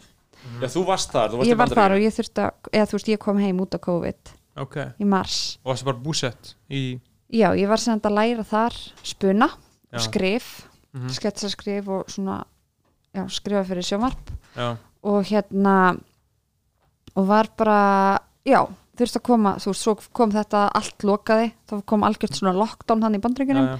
kom heim uh, og mér fannst svo ógæðslega mikill munur á því að vera heima og vera þarna úti því hérna þú veist, fólk stendur miklu meira saman er, já, ok, við erum hérna með verkefnið sem er að og við erum náttúrulega líka bara í mjög litlu samfélagi. Ef einhver var ekki að fylgja reglurum þá er allir bara eitthvað vita af því sko, já. já. þannig að hérna en þú veist þarna úti það er bara einmitt fólk eitthvað að það er bara pólitísk skoðun hvort að koronavirðan sé til. Já, einmitt, bara það er umræðan þarna úti. Einmitt. þannig að þú veist það var bara einhvern veginn þú veist, já, ég bara sé ekki fyrir mig hvernig þeir eiga að ná nokkuð tíma að ná, þú veist tökum á þessu. Já, að því svo var líka eitthvað eitthvað um það að þú veist, að komið eitthvað bóluefni en þá var bara helmingu bandarækjumanna bara vilja ekki fá vilja ekki, þá var bara eitthvað þeir, þeir eru svo fókt sko. Mhm. mm. já einmitt á meðan, á meðan, meðan þetta er svona í bandaríkjunum já, þetta er svakalegt þetta er svakalegt En hvernig er hérna uh, Los Angeles það er uh, ég myndi ekki mæla með því sem eitthvað svona áfangastað sko. nei, nei. Er allir reyna þetta að meika óaðgengilegu staður? þetta er ógísla stórt uh, allir á bíl samt getur gott viður en það er engin eitthvað að hjóla eða neitt eitthvað Já. og hérna allir eru leikarar eða vinni í kvikmyndabransanum allir eru Allir með drauma í eistunum eða Mhm. þá í ekkjastokkunum já, Mhm. og hérna og það, já, þetta er svona en það er fyllt af vitneski þarna Þú veist, þannig að ég er ekki eitthvað svona ó, það er svona nærand að vera í Los Angeles ég var bara þarna til þess að reyna að læra Mhm. en hérna eh, þú veist þetta var ekki svona eins og að fara til Berlínar eða fara til Parísar eða eitthvað það sem maður er bara eitthvað, ó, ég getur bara lappa hérna um og það er bara geggjað. Það er ekkert eitthvað svona mjög frelsandi andrúsloft Nei, bara maður er ekkert að lappa um, það er bara skrítið að lappa um sko.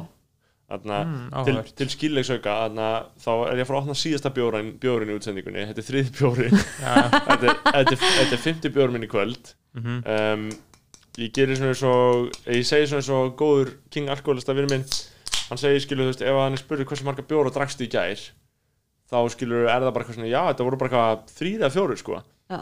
og þá er það bara bjórinn sem hann drakk á sko barnum Barn, þú veist ef hann væri heima datt datt nokkuð út já.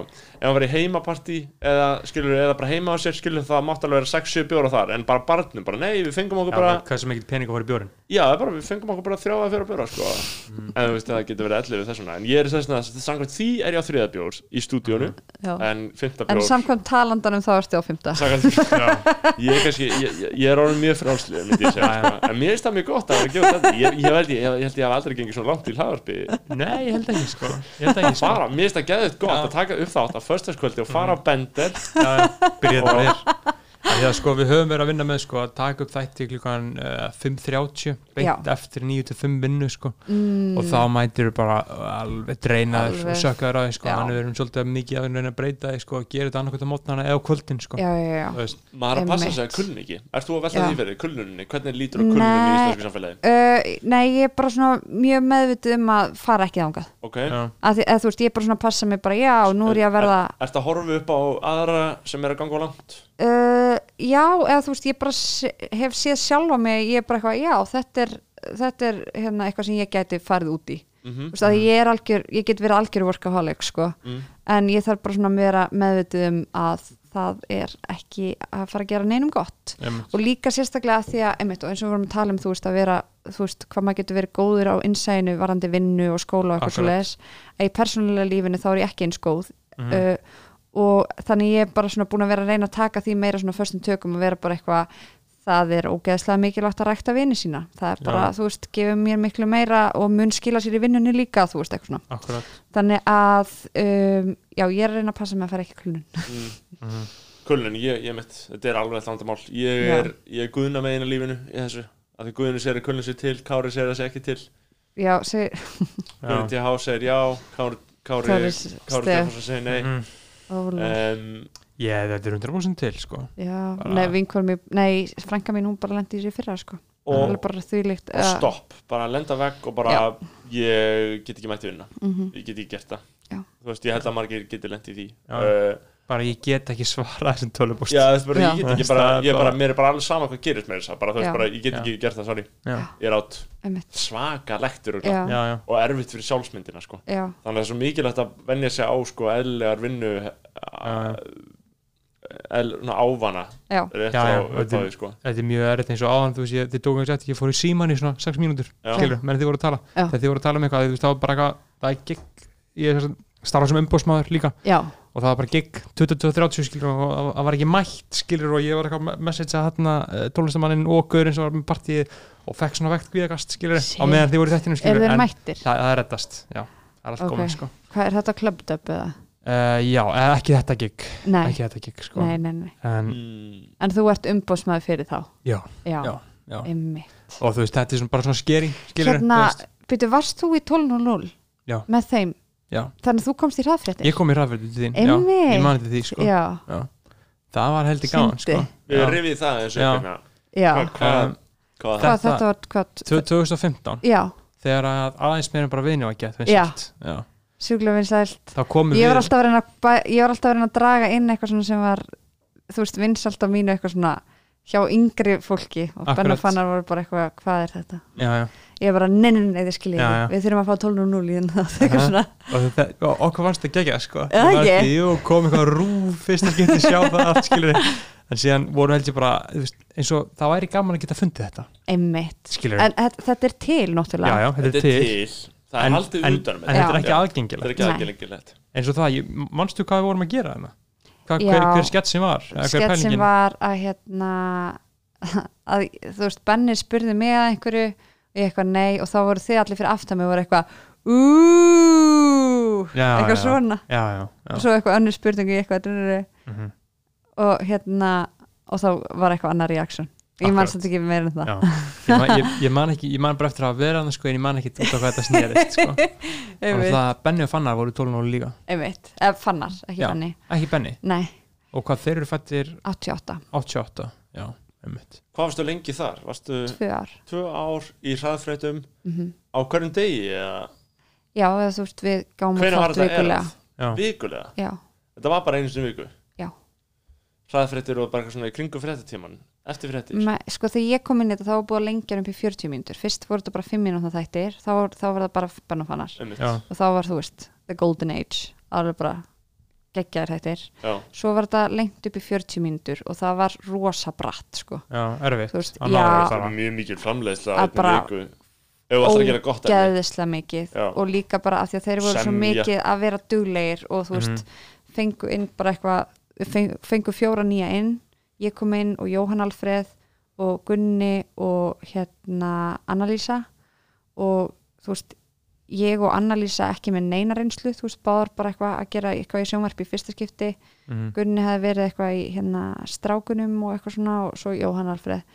Uh, þannig að þetta var rosa svona lendir rosa mikið á sko strákunum, bara Benna Fannar bara þurfa að halda upp í 40 mínútur þætti á einni viku, þú veist, eitthvað sem að í bandaríkjunum er bara, þú veist, 20 mann skrift heimi Akkurat. skilji og svo þar fyrir utan er, þú veist, sá sem er að hósta og eitthvað svo leis þannig að hérna uh, sem þarf ekki að vera að hugsa um að skrifa skilur en þeir voru að gera þetta allt þannig að þetta var alveg bara svona, þetta var rosa mikið Já, mikil já. kyrsla og þarna orðin alltaf bara eitthvað svona ekkert eitthvað ósvipað og bara eitthvað svona daily show drullla skilur Já. þú veist þú er svona komið 40 mínuna uppistand á hverjum föstudegi skilur það verður að vera fyndin Einmitt, og það þarf að vera eitthvað sem að er nýlega gerst og það þurfti alltaf að vera það relevant. Þú veist, maður fór alltaf bara á mánudagsmotni bara að reyna, ok, hvað er, er eitthvað stórt í fréttum? En venjulega, þú veist, kom já. ekki stóru fréttirnar fyrir en á þriðjudags eftir meðdegi, kannski Einmitt. miðvikudegi fyrir þá viku Já. og við þurftum alltaf að vera í útutökum á miðvikudögum, stúdíotímum á fimmtudögum, klippa á föstudögum og þátturinn síndur á föstaskvöldum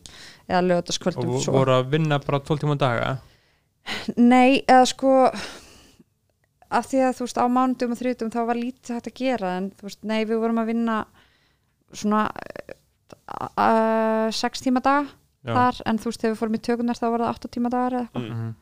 En hérna, já, þetta var þetta var daldil kyrsla sko. Eða þú veist, sérstaklega fyrir þá, en ég var ekki þú veist, ég var bara ráðin inn til að gera eitt einsla á viku, Mhm. en ég var alveg bara þú veist, vissi ekkert hvað ég var að fara þannig að þú veist, í byrjun þá voru þeir rosa mikið bara að leiða mig áfram og eitthvað Mhm. svona. Þannig að hérna, já. Þetta var, Var þetta gaman, eða? þetta var geðveikt. Okay. það var ókslega gaman. Ég er þetta fyrir svona nett haugafalla þegar fólk fyrir að þekkja mát og þú veist ekki hver ég er samt. Fólk held að ég Mhm. væri svo heimsk. Já, Og ég var að leika svona heimska Já, þú típu. varst með svona karakter. En sko það Mér er svo ógisla fyndið að það sé sko sex manna teimi af sko að gesa alveg bara creators skilur, það eru því sex þannig, eins og sé þetta fyrir mér. Fyrir eitt 40 minna þátt. Já. uh, tökufólk líka. Já, það er, já, einhverju tæknimenn eitthvað, skilur, klipparar skilur fleia alveg, þú veist, örgulega hátt í 15 manns kannski saman í þetta. Þú veist, örgulega alls ekki öll í fullu vinnu alla vikuna, nei, en þú veist, einhver síður svona nokkuð mikið af fucking mannabla í 1.40 minna þátt. Já. áhorfið örgulega fínt. Já, alveg þess að það hafi bara verið næst gott. best á Íslandi um, en þú veist ógæslega dýrt og bara, en þú veist, bara áhugavert en ég, að því að ég bara, ég er að hugsa bara samanborðið þetta, við vorum að tala um því Já. síðasta þætti á okkur, að þú veist, við mætum bara við íttum bara rekk og síðan eru já. komið tvo klukkutíma af uh, Efni. sem mjög mörgum bara þykir mjög væntum já, en uh, við erum ekki með teknifólk eða bla bla bla, bla bla bla skilur þó við erum þetta rættum að vera með það og svona, en það er líka, Eh, þú veist það er munurinn svo fyndin skilurðu. já, en svo er líka, þú veist það er veist, getur það geta allir hendi efni en þú veist, ef þú þarft að gera quality efni, þá tekur það svo ógeðslega miklu meiri vinnu Mhm. þú veist, það er ekkert mál að henda í eitthvað emitt en, en, en, síðan líka bara spurning hvað er quality skilur já, en þú veist, þá er það bara Já, að bara það, vel samið já, bara góðir klipparar það er Mm. hérna, Já, þú veist, vel skrifað það er Já. rithmið, þú veist, það er bara góðir gestir í þáttinn, þú veist. Og bara nýttir vel og spura réttar spurningar Já. og hugsað út í hlutina. Já, já, um, ég tengi mjög mikið við þetta og ég velti þessu oft fyrir mér eins og bara með bandaríkinn, allir þessi daily show drulla þar, skilur sem alltaf bara, þú veist, það er hafsjór af þessu til mhm, en þú veist, það er þessi stærstu, skilur bara John Oliver og félagar og þarna, Trevor Noah og Mhm. einhverjar, einhverjar fígurur mhm, rosa liberal og PC og, og flottir uh, sem er þetta raukaðatriði en, en þú veist, þar eru náttúrulega herir af fólki á bakvið þetta að skrifa. Uh, þú veist maður sér það á John Oliver ef maður horfir á hann bara, maðurinn er ekki að skrifa neitt af því sem hann segir, þetta Nei. er það að ótrúlega velskrifað og fjóra ótrúlega handað þætti á viku eða fimm þætti á viku þetta sko. þau eru það framlistana það mikil. Já. lík í Þýskalandi, þar eru, þeir með svona álíka ógæðislega fyndi og maður er bara vá hvað þetta er gott allan tíman, bara Mhm. vá hvað þetta er gott. Oh my god, oh þetta er svo vanda oh Mhm. fuck, oh vá hvað þetta er vel það, er- það er líka að fyndi hvað er til mikið af þessi bandaríkjunum skilur, ég get talið upp bara tíu bara Já. Jimmy Kimmel, Jimmy Fallon, Conan O'Brien uh, Stephen Colbert John Oliver, Trevor. Noah uh. Bill Mayer, James Corden, James. Corden Ellen DeGeneres Já. Kelly Clarkson er komið sjö já. þátt líka já, og þetta er Jada, bara miklu, miklu meira síðan já, Jada Pinkett Smith Já. En, og, og, og pólitíst hata ég þetta ég hata einhvern veginn hvernig fólk talar það er einhvern veginn allt með sumskoðan og allt svona fyrirsánlegt og svona semi-PC en samt stjætt ábyldi og svo framvegis en Mhm. skilur framleiðslulega sé þá dáist ég að því að það Já. sé hægt að Sko, standa ég- að þessu Já. sko. ég hlusta á Daily Show að hverjum degi sko. Yeah, ég fokk ekki ég, Ears Edition sko. Mér, Trevor Noah Trevor Noah, já, já. Já. mér, mér finnst ómikið vesen að horfa á þáttinn. Mér finnst það svo mikið commitment að Já. horfa á bara á skjá í 40 mínútur. En- en þú veist bara podcast, þeir eru með svona podcast edition sko, það sem, að, það sem er bara að þú bara getur spilað þetta. Já. og oft er viðtöl málega eins og þessum þetta er í, í því, Trevor Noah ég nenni ekki að hlusta á viðtöl Nei, hann er alltaf bara að tala við einhvern fokkin gaur sem að var að gefa út einhverja bók Já. og þeir eru að tala um hana skilur, þú veist, ég nenni ekki að hlusta það. Ég vil bara heyra sko uh, mónuraki hans sko um frettir Er ekki þér, maður sjá? Er þér, maður sjá? Er ég var bara að pæla kannski er þetta hann kom það, þetta komið? Já, næst ég ég veit í ekki þessu. hvort að Mhm. já, Er þér, þú er Já. þér Þarna, eins og ég segi, sko, En- í okkar þáttum má bara eitthvað svona gerast og það já. breytir einhver já, já, Veist, já, þetta er bara katastrófa hjá okkur Já. fólki skilur já, já, bara á, Um, áfall uh, þess vegna er þetta fallið og meira þess að kannski við værum að En- gera þetta á rúf þá eru þið passa betur upp á þetta ég veit það ekki. Nei, ég, sko er það Ef- draumurinn ykkar að gera þetta á rúf? Alls ekki. Nei, ég meina, ekki, ekki Það- núna. Ég meina, að því að við erum komið bara okkar dæmi og við getum fengið smá pening sko, við, það, við erum með sem sagt Patreon. En rúf, Það rúf er mjög áhugavert sko. uh, að að, ég var í geði til í að vera í 50% starfi á rúf við að Já. gera sem ég vil sko. Já, við erum annars að ég Já. fengi bara eitthvað creative freedom til að gera bara eitthvað shit. Já, það er náttúrulega aldrei að fara að gera nei, nei, það bara enginn sem fær eitthvað uh, free card. Nei, Nei, að, vinna rúf, þú veist, þeir sem eru þar þeir eru að vinna svo viðbjóðslega mikið. Það er enginn sem Mm. fer þarna inn og er eitthvað svona að ég er bara aðeins að gera þetta. Og svo, þú veist, það er ætlast til svo þú veist, þú þarfst að vera svo mikið að framlega sko. delivera heitli seríu bara á þreymur mánuðum skilur og já, bara og þú klára veist, ég var ekki, við vorum ekki að gera okkar seríu í gegnum rúf þú veist, ég bara, ég, þú veist, þetta er bara svona sem ég sé síðan á vinum mínum sem er að vinna þar. Þú veist, Já. ég er í rauninni ekki búin að vera í, þú veist já, Eh, framleiðum bara fullu að selja starfi. síðan. Já, í rauninni, Sko- þú veist, reyndar núna ég er að fara að gera sketsa þætti fyrir rúf og þá, þú veist, er þetta framle framleitt af rúf Ok, Mhm. þannig að þá, hérna þá fara að kynnast því allavega Þú já, og þú veist, og við gerðum það áður. Að ég er hægt að heyri mér. Ekkert máli, ekki græða, halló, halló, halló Svo, 1, 2, 3, 1, 2, Þarna. 3, 1, 2, 3 Eru að tala um, ertu góð þarna að- fara hérna alveg halló, halló, halló, halló Ok, ég heyri ekki í mér. Þú tala bara vel inn. Já, ég tala bara hátt og skýrt. Mhm. Þú bara seg, þið segir mér bara, þú gerir bara Já. svona. komdu nær mæknum geskan Já, Komdu nær. Aðeins nær hljóðnumanum já, já, Uh, nei, þannig ég er svona aðeins búin að fá þú veist Mm. tilfinningu fyrir því hvernig það er svona kerfið, struktúrin þarna inni. Og það er einmitt bara uh, já, þú þarft að delivera ógeðslega miklu til þess að vera á mannsamöndi launum, Sko, fyndi bara allir. Þetta er bara af því að það er ætlast, já, það er ætlast til svo mikils uh, og þóttu séu með almanna féð, þú veist, það er bara þau eru að reyna alltaf, þú veist, það eru allir ógeðslega klárt fólk að inni. Mhm. Bara, það, já Þetta er landlægt fjö, vandamál í fjölmiðlum sko, þú veist, bara á öllum Já. íslenskum fjölmiðlum það er enginn að chilla lengur sko. Nei, það er bara Sem er- enginn að chilla sko. ef þú ert að chilla mjög, mjög áhugavert akkur sem ekki pressa á rúf en þú veist að einhvern veginn það sést ekkert já, það er ekkert að fólk er alveg að brenna hressilega út þarna, Já, já, en. En, en ég er að segja að það er voða lítið good shit í gangi sem er að koma út frá rúf Já, já, ég svo er það annað. Það Skilurðu? önnur, önnur saga en Já. það, það er allt annað, þú veist, eins og bara, bara í, bæði í podcastum og sjónvarpi og öllu, skilur Já, heimskvöður, það er frábært. Já, já, já, og í ljósi söguna náttúrulega. sko, markkópanir eru ólíkir og það þarf bara að framleiða alls konar efni og Já, sko, málið er, ég, ég kveiki alveg á Rás 1 klukkan 19.30 og það er bara einhver eðna, klassísk tónlist og ópera í gangi, hugsa bara það er stjættaóbeldi að þið séu að spila Já. þetta, Rás 1 klukkan en 19.30 það er náttúrulega fólk sem bara dyrkar þetta það er fólk sem dýrkar Já. þetta, við erum að tala um bara Ég eitthvað elska þrjú- Rás þrjú- 1, sko. 3% mentað dæmi Já. en, en þú veist, sko mér er líka svo fyndin eins og hlustunum eins og við vorum að tala um Beggi, við fórum í viðtala á Rás 2 Já, eh, til Jakobs Birgissonar þar sem hann er, með, hann er að leysa af í atna, einhverju svona útarstrullu um, með einhverju, með ég er, já, hey, rástöða og þar er hann er með þarna sumar skrýtl, sumarsögur sumarsögur, já. Sumarskýttur e, sumarsögur og við fórum í viðtal þar. Og það var í beinni á sunnudegi eða eitthvað. Mhm. og við vorum að tala um eitthvað, vorum að gera grína fóröldum okkar enn í þessu og vorum eitthvað að gera grína Já, útlandaferðum bara tala um eitthvað æsku tráma og hitt og þetta, skilur og bara Comedy Gold.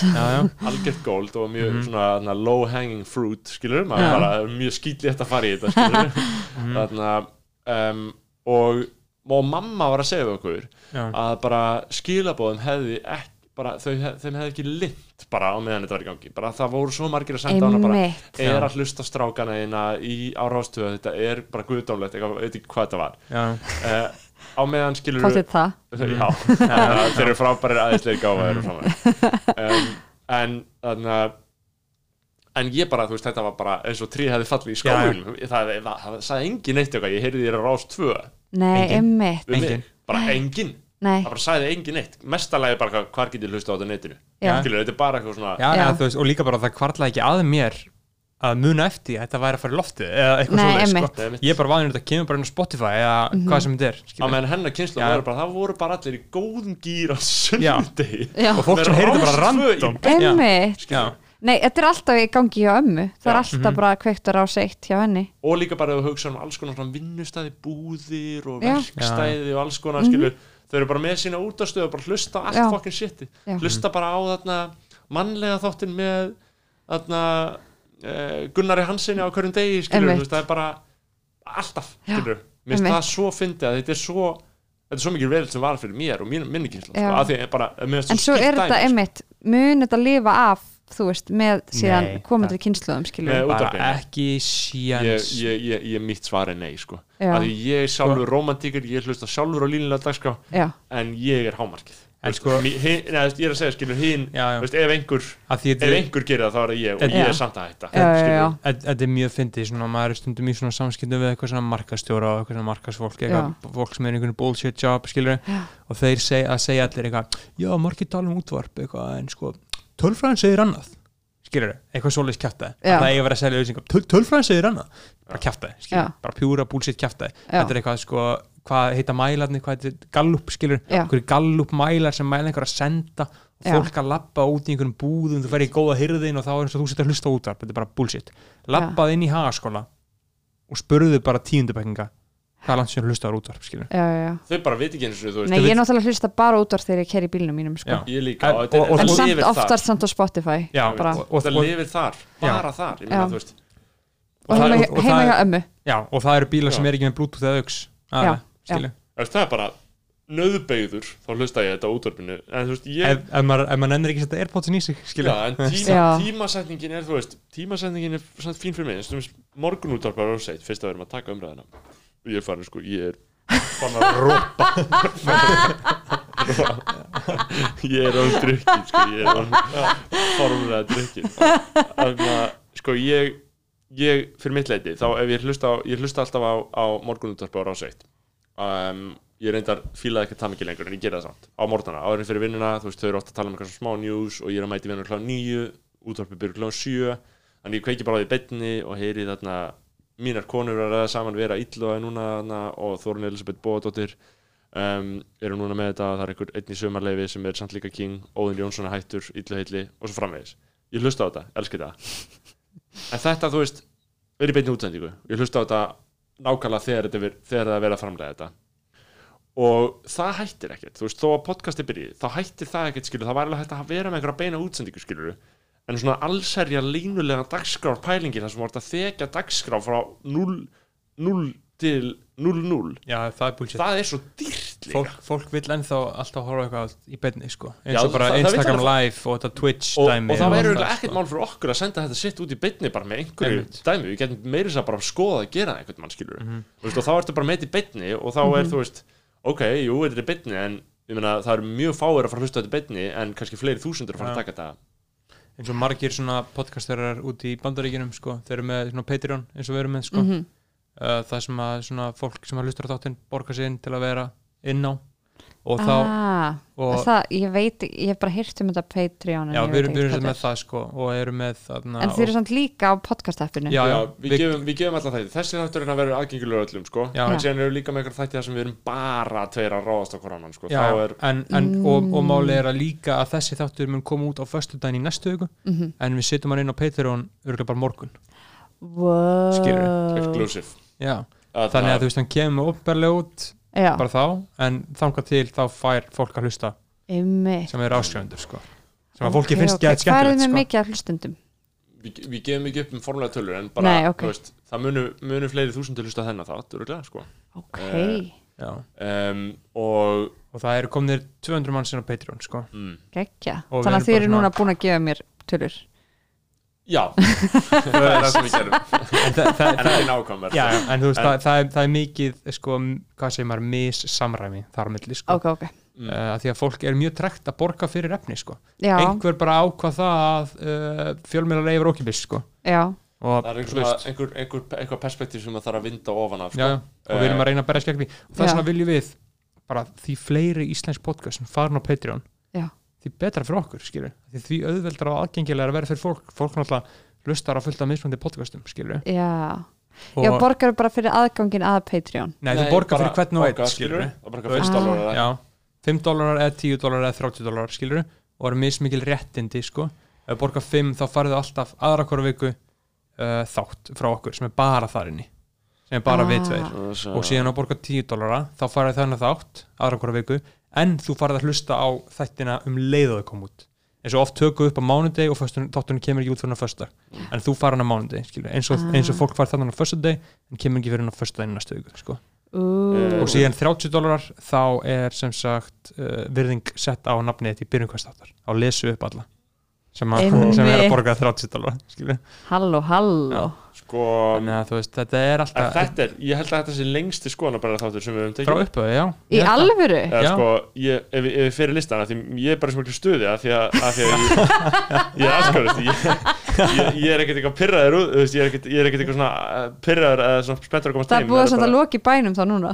Já, er búið að í bænum sko. Klukkan er þannig að við ég tók af ykkur þetta lög negist á fyrsta skvel Þarna- þannig að við vörpum ljósa því að það fyrir hlustendur það er sko klukkan 23.15 á Já. förstu degi já, og við setjum hérna á hverju skutu 105 í hljóð, hljóðveri 100, útars 101 það bara Sko- beint í eftirparti eftir þetta, allavega fyrir snorra. það verður réttast, var, sko. ég, ég, ég hygg á slíkt. Ég er að vakna, vakna að fara í vikingatreik og jóka á morgun sko. No, no, laga til sko. Já. Hvað ert þú að fara að gera á morgun? ég, uh, ég er að fara í mat til ömmu í hátteginu uh, svo er ég að fara í ammali kl. 5 og svo er ég að fara að gera eitthvað eitt um kvöldið já, ég ætla að fara upp í stand hjá hérna Vaffa OS já í Ternabjó já, mm þannig að hún Vigdís Haflega, veitir hver það er? Já, hún er sett í improv með mér. Hún hérna er að fara að vera með sent, koma Ok. og vera með uppstald Nice. finnast í háskólanum minn. Já, Já. mikið rétt. Ég hef sko, ég ætlaði að fara að skrá mig á einbrónámskeið já, í júli ok, en hvað? Uh, síðan beilaði ég. Ok, bara út af, þú veist beilaði bara, bara fann mér afsökun, skilur já, en ég er búin að að hugsa um að skrá mig núna 10. ágúst algjörlega do Mánu, it, mánudagar uh, 7 til 10 tíu, já Ylva er að kenna, hún er geggjuð sko Aha, af því þetta, Geggjuð. þetta hljóma sko bara ræðilega fyrir mér skilur, eða, þú veist, að, þetta hljóma bara að verst sem ég get ímyndið mér að gera skilur, að þurfa eitthvað að leika fyrir framann eitthvað fólk og Já. eitthvað Þetta er þú samt svo mikið útsita. en ég held ég hafi mjög gott Þetta, að þessu sko. sko. Já, Það er talað, það er talað, um, það, það er talað um sko þægindasvæðið Mhm. og svo er talað um sko tegjusvæðið og svo er það paniksvæðið. Þú veist, þú, þú vilt fara inn á tegjusvæðið Já, það er já. svo læg að tegja eins á þessu paniksvæðið. Já, þá Þetta væri kannski smá panika ángríns já, Nei, nei, þú veist. En þú Það- varst í 12.0 og eitthvað? Já, Það er alltaf læg að daðra við paniksvæðið sko. Já en, en, en ég, ég, ég samt sko, það hefur margt breyst síðan þá sko. Já, en ég er samt svona búin að endurheimta að smá núna Já. sko, veist, hvað að ég, veit það ekki, maður bara eitthvað svona 2016, 17 eða svona kannski 2017, 18 það hefði bara verið martröð fyrir mig að vera frá já, en núna er ég svona, þú veist smá búin að venjast aðtikli, aftur, fattur Mhm. og finnst það bara fínt, þú veist, það er alveg fínt stundum að þegar svona hér góð manns er eitthvað kýtlaður skilur Mhm. þú veist, með eitthvað svona að, að, aðtikli sko. Mér finnst þetta bara svo geggja sko, þar sem ég fíla svo mikið improvi það er einhvern veginn hugsunarhátturinn bakvið það sem er allar hugmyndir eru góðar. Já, Já, þú veist eða þú ert ekki eitthvað rasisti. Já, en hérna en þú veist að fara, þú veist fylgja hugmyndunni þínum og þú veist að þú hérna stækka þér og gera það í hóp og einhvern veginn, ekki vera svona ógeðslega dæmandi á sjálfan þig. Já, En mér staðið mitt, líka þú veist, það tengist líka inn á það sem við vorum að tala um með sko að treysta innsæðinu Já, að þú færið hugmynd mhm, og bara þessi hugmynd er bara solid. Mhm, bara hugsa það strax, skilur Já. bara fleiðinni fram Já.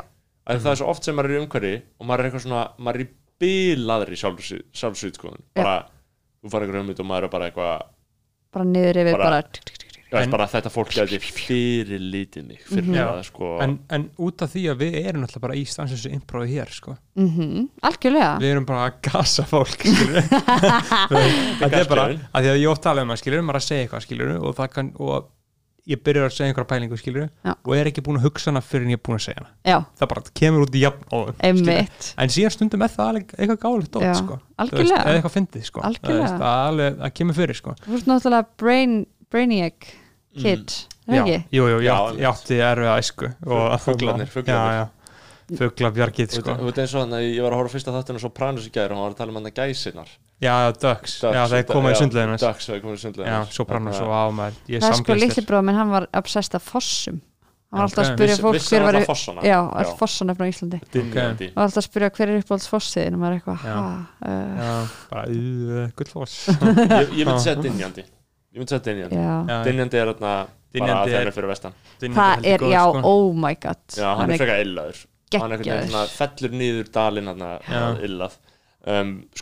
þarna, ég var, ég var að skoða tölfræðina já, um, og uh, sko, lengst í þátturinn er Aron Móla og hann er sko tvær tvær klökstundur og átján mínútur þannig að við erum alveg að detti hann sko. mér finnst það mjög gott að bæta, Yes! bæta Já. Aron Móla sko. já, uh, yes þannig að hann var sko ég bara elska að vinna í lífinu Já. er þetta ekki einhvern Jú, jú. það er sko lengst til skoðan að bara þátturinn en, það er bara en neini mannstuð samt sem að Maggi Sushi vegna þess að Maggi Sushi er skoðanabræðar fræðingur ok, uh, og vinnur okkar ok, hann, hann, hann hlustar á hvað þetta átt og greinir hann sko. já og hann bent okkur á það að þátturinn með móla það kemur hálftíma þögn í endan já, en við vissum það ekki og ég held við, Ha? hann er inn í hann er upptökunni. inni í upptökunni hálftíma þögn þannig að við erum búin að erum- slá við þetta erum með búin- við, við við fyrir klappað við getum bara. Veist, er ekki, heyrðu, við erum með sound effects það er örgulega klapp, skilur, einhverstaðar byrju hérna. Nei, nei, það var bara eftir að koma eitthvað. Já, uh, Útvarp 101 já, byrju sorry. Ég, ég, ég hef reynd að bara fyrta þetta takkaborðaður og það var aldrei við eitthvað gett mikið það væri stemming. mjög gaman að hafa góða sound effects annars sko. Veist, ef það, það hlýtur að vera, það er ekki eitthvað er ekki eitthvað sem er, skilur. það var gott að passa það vel þetta, er- þetta er fokkin mér og ég, þegar maður er komið svona sound effects og við erum eitthvað að prófa svona þá erum við orðin algjörð podcast. Já, já. já, Þetta er morgun þátturinn Musli með Loða Petro og Juice. Nú er þetta bara orðið snorri á fymta bjór að eitthvað ruggla í. já, já, já, það Orð, það er- orðin, orðin fullur að fara fyrst í græjunni. En mér finnst áhugavert þetta Patreon. Að því að, já, ég ætla að nota tækifærið og með, nú er þetta podcast að klára fólk er eitthvað, oh, hvað á ég að fara að hlusta á núna Heyrðu, Já, plugga þín já, síðu. mínu Já, podcasti hvað með þetta, hvað með þetta, hvað með þetta það er einhleip einmann erðalus Mhm. og ég reyndar, já, eins og ég sagði og aðtiklisvert koncept finnst mér Já. aðtiklisvert uh, að, bara mjög verðugt efni, umfjöllunarefni mm Mhm. um, segðu meira frá því já, ætla þú ekki að kynna það? Uh, ég hef ekki sko það yfirgrip smikla þekkingu. Yfirgrip smikla þekkingu að því. En ég, ég, ég fann það í einhverju Google samt sko. Ok, ok, ok, haltu áfram. Já, einhleip einmann erðalus þetta er sett uh, podcast sem að ég og Pálmi Freyr sem er með mér í imprófni erum að gera. Og sett gerðist þá þannig að við vorum að hérna bæði innhleip, bæði einmann og erðalaus og hittumst bara fyrir tilvílun, við erum góðu vinnu sko, hittumst fyrir tilvílun á kaffehúsi fyrir einu eða, árið síðan í mæ og hérna og þá fórum við að tala um að við ættum nú að hendi eitthvað podcast. Og ákveðum bara að gera podcast um hvað við værum sorgleg. Mhm. og það var svipa á við. Já. Nefnum við vorum meira bara svona uh, já straight to the point með það sko. Já, já, í bara einmitt. nafninu. Og fólk Já. er þú veist, ég sé kannski alveg pínu eftir að hafa skýrt þetta þetta af því að þú veist, fólk er alveg byrju já, er það að gera podcast, hvað heitir podcastið? þið? Og það er, já, einhleip, innmann og erðalust það er bara, Mhm. að, já það er kannski, það er kannski full mikið eins og þetta snúist að bara um uh, að vera einhleipa er það ekki svo? Uh, þetta snýst að miklu leiti um þú veist, uh, samhuga lífið og að vera hvernig okkur líður og svona, Mhm. á hvað, já á hvað stað við erum og, og, og þið voru með þetta á Storytel já, fyrst vorum við með þetta á Storytel og svo settum við þetta yfir á Spotify og podcast appið All, alla þættina, Storytel á þetta ekki? Nei, við Nei. þetta. Þannig að komið þar, það kom þar inn í janúar. Já, þannig að það er hægt að hlusta það. Mhm, uh, og svo erum við búin að taka upp alveg fimm þætti viðbót en eins og ég var að segja ykkur áðan þá hérna fyrst í þættinum þá uh, er þann svo lit- illa hljóðmiksaður að Það er hérna algengt með fyrstu podcast, það er alltaf læg já, en þú veist, við erum samt, þetta er tólti þáttunum sem við tökum upp, skilur ah, Respect líka. Takk, spe, spekileiki sko. Þannig að uh, þetta hefði alveg ekki átt að gerast en þetta gerðist, þannig Já. að þess vegna er ég búin að vera að sitja mjög lengi á þessum þætti og ekki klára klippan af því að það tekur svo ógeðslega langan tíma að hljóðjafna Einmitt. Já, einmitt það sem þú voru að segja þegar sko, við höfum fengið fólkinu sem talar ógislega látt og ég Já. vil bara hrósa þeir hérna rétt í þegar við erum svona að byrja að, að ljúka þættinum. Já, þá vil ég hrósa þeir fyrir að hafa talað nú eiginlega hátt. Er það ekki? uh, við, við hækkuðum í þér Já. tjúnum þau upp, en þú hefur bara staðið með príði við höfum fengið fólkinu Já. sem talar skilur, þú veist, að Það er svo gott að þessi að hrósa mér fyrir það. Já, Ég var það ekki, reyns ekki annað, bara tæknilega, tæknilega aðrið Já, um, sko, þú veist, ef, ef, þú veist það er fólk sem, skilur, ef, ef, þið þegið það er fólk sem hefur verið í hljóðarpunum nei, hlaðarpunum er að tala ég meina, já, ég meina, ég held að veist, þá, þá, það er svo frústrænandi að þá þarf maður að hækka þetta eftir á veit ég hvað er að tala um? Já. já, já, já, þetta, við höfum lent í svona okkur skilur og svo að vera hérna og vera Já, já, tala- færi þessi hægri, vinstri, upp og niður, norður og niður, út og suður. Já, óþálega já, Já, þú þarna snettir fram með því. Já, ég hef Já. líka verið að taka upp ég hef komið hérna reynslu mikil og hefur sko brent bart Já. og ekki aðeins það. Nei, heldur segja grikkir ég veit ekki hvort ég hafi tekið þetta fram í hlaðarpunaður vonandi ekki já uh, 60 þættir, vá, hvað þeir eru búin að segja ég veit sko margt. aldrei hvað ég hef sagt áður eða ekki Já, já. sko. þannig Það- ég segi það bara aftur. Það er ókýrslega oft sem ég spurur eitthvað, hei, þú að tala með þetta, ég bara, Já, bara- í, í hvað þættu það? Ekki, hugmynd.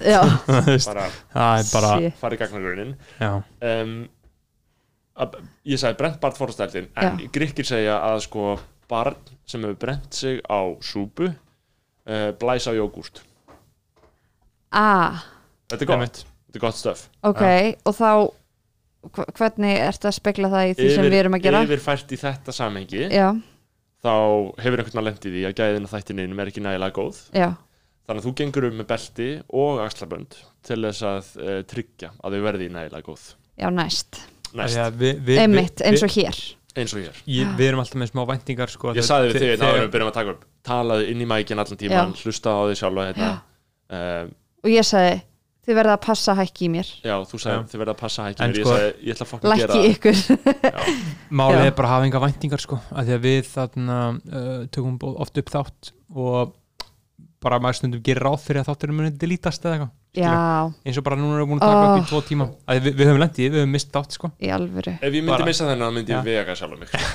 Oh my god, það er ein mínúta í lengsta þáttin ykkar. Já, við erum Já. alveg að detti hann sko, og síðan tökum við upp intro hann við erum Já, búin að vinna sko, við Oh my god! Já, ég ætla að finna þetta klappeffekt. nei, aftur þetta fuck. villist, villist Þetta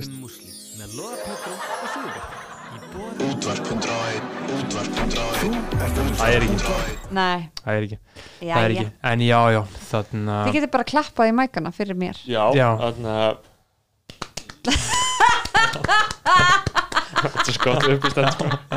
þannig að Ah, Þetta mér er sorglegast að segja sko, mér finnst það sko, ég er ekki að djóka mér finnst þetta geggja mótil og þetta er bara eitthvað sem ég myndi vilja stunda bara Að koma og vera fullur að gera á kvöldin sko. Já, að því að pæli, við, við hefðum ekkert verið í þessari stemmingu að, að morgun til sko. Nei, alls ekki Það var Það allir á leiðin það bara að fara að Og tala um líka- Æsland er sko. Já, Já, einmitt í staðin bara, í staðin munum bara koma inn á divaf.is uh, Steina skúladóttir hefur tekið kókaðin, e-pilu, sveppi og gras. Já. Hver er þarna? Já, það eru gúns Það eru, þetta er, er- er hljóðverð, þetta er lifandi umhverfi sko. Já, Já, þau eru að taka upp Þetta er, rappan þetta er, sko, þetta er Daniel, Dan, Daniel. Daniel rappari og vinnur hans. Hann opnaði fyrir okkur áðan. Alright To- Tommy on the track. Tommy on the Já. track maður, já, einmitt sko. Og M. Já, Khan, nú Mu- verður Murat þetta fyrirsögnin. Já, Um Já. Er Það er bara- jú, Hefur það er flott. Steinei hefur tekið fjögur færn eitulif já. Já, Svo fæ ég morðhótanir í Já, já. Instagram skilabúðum Já, eins og Steinei hann Þórdísbjörg Já, já. Steinei segir að þarna Rauvarhöfn sé umlega staður. Já. Einmitt. Uh, Ég ætla að mynda að gera mig ferð þangað í næstu viku. Já, það? Með Kaup, kaup, melrakasléttan Já, Kíkja. Þetta er Eru þið ekki að fara að græða á þessu? Jú, þetta er gott fyrir þig. Samt ekki dísa Þetta er sökkar fyrir Já, já, Þetta er málið er sko að talandi um þetta, þá, þá hefur maður skilur, maður hefur séð sko ég sá fyrst eitthvað svona, ok, fréttablaði fórsega og eitthvað svona líflega tótanir skilur og maður er eitthvað svona, hver fær ekki líflega tótanir skilur, en síðan skilur þannig upplifið fyrirsagnir oft skilur, maður hefur svona, maður hefur séð já. það skilur já, já, uh, og, og síðan var ég bara að lesa þetta og ég var bara eitthvað, what the fuck? Bara, bara, fólk er bara að byrja skilabóðin bara á sæl, punktur. Já, og síðan bara endar það bara, ég ætla að nauðga þér. Já. Og bara, hvað gerðist? Og maður þetta er að bara- skrifa skilabóðin og hún fekk yfir 40 svona skilabóð þetta var eitthvað samstilt átaks ég, Já, bara, já. ég skil ekki hvað gerðist. Nei. Nei, en sko, fyrir mér er þetta bara svona pjúra kvenn hatur. Bara Já, þarna þetta var bara bara f- gafst algjörlega- tækifæri og þá bara eitthvað, ah, yes. Nefnst líka bara, já, þannig hótum ég ætla að nauðga þér. Já, ég ætla að nauðga og þér. skera þig á háls og koma Já, heim já, já. til þín. Bara þú mynd Alls ekki, þú mynd ekki þarna, þú mynd ekki segja þetta þegar ég er búin að nauðga þér. Og maður bara eitthvað svona, Já, já. og, og trigger warning ég byrði innlega afsökunar að vera að segja þessu orð svona en um, Heru, gr grundvalla línan í þessu Já. er að Rauvarhöfn og Kópaskir eru mjög ömulegi staðir. Þetta það er sem við þurfum að taka öll frá þessu. Ég það sem við getum lært frá þessu. það er svona lærdóminn sem við hljótum að draga þessu er að þetta eru virkilega slæmi staðir. Og, og eins og einhver sagði á Twitter sem er hans gott sem er, sem er ok, þetta er náttúrulega ég átti ekki að segja þetta væri gott fyrirfram að þetta er ekki raunverulega gott en þú veist að það sagði einhver að þetta væri krumdur að krum já, eins og krimasku En- Já, já. já krummaskuð og kremdur að krem krem skilurðu. til að krem, já, Já, gott og einn dæmi ég byrst einlega afskona því og þessu hlaðarpi og um, en við skulum fara að enda þetta. Já, já, Bara- við erum búin að slá með við erum búin að slá ég metið komin á bender 2020. Já, já. og 2020 við erum búin að fara algjörlega yfir öll um, já, já. ég segi- velsæmismörk já, við getum Nei, nei, sagt en þú veist bara fólk, fólk hlustar eða hlustar. Uh, við, uh, ég ætla heim í hátinn já, uh, Snorri heim, heim að gráta. Ef, ef ég fer ekki í partí eftir þetta þá er, það, þá er illt í Já, já, já, mm, einmitt. uh, en Steinei það var bara sérstaklega ánægilegt Já. að fá því já, Það er gaman þetta að fáið. koma. Ég, Þetta var ég, frábært. myndi ekki, ég myndi ekki segja að það væri sérstaklega ánægilegt að fá því eða hefði ekki verið það. Ok. um, þannig að skilur, bara veistla Já, þetta var frábært. Eitthvað, ertu stundum eitthvað í lók viðtals eitthvað, það var, heyrðu það bara svona meðal, meðal að fá þig. Já, takk fyrir komuna, skilur Já, Bara gaman að fá þegar, þegar biskup þegar biskup kom það langar mér til að segja bara að það var ömrætt að fá þig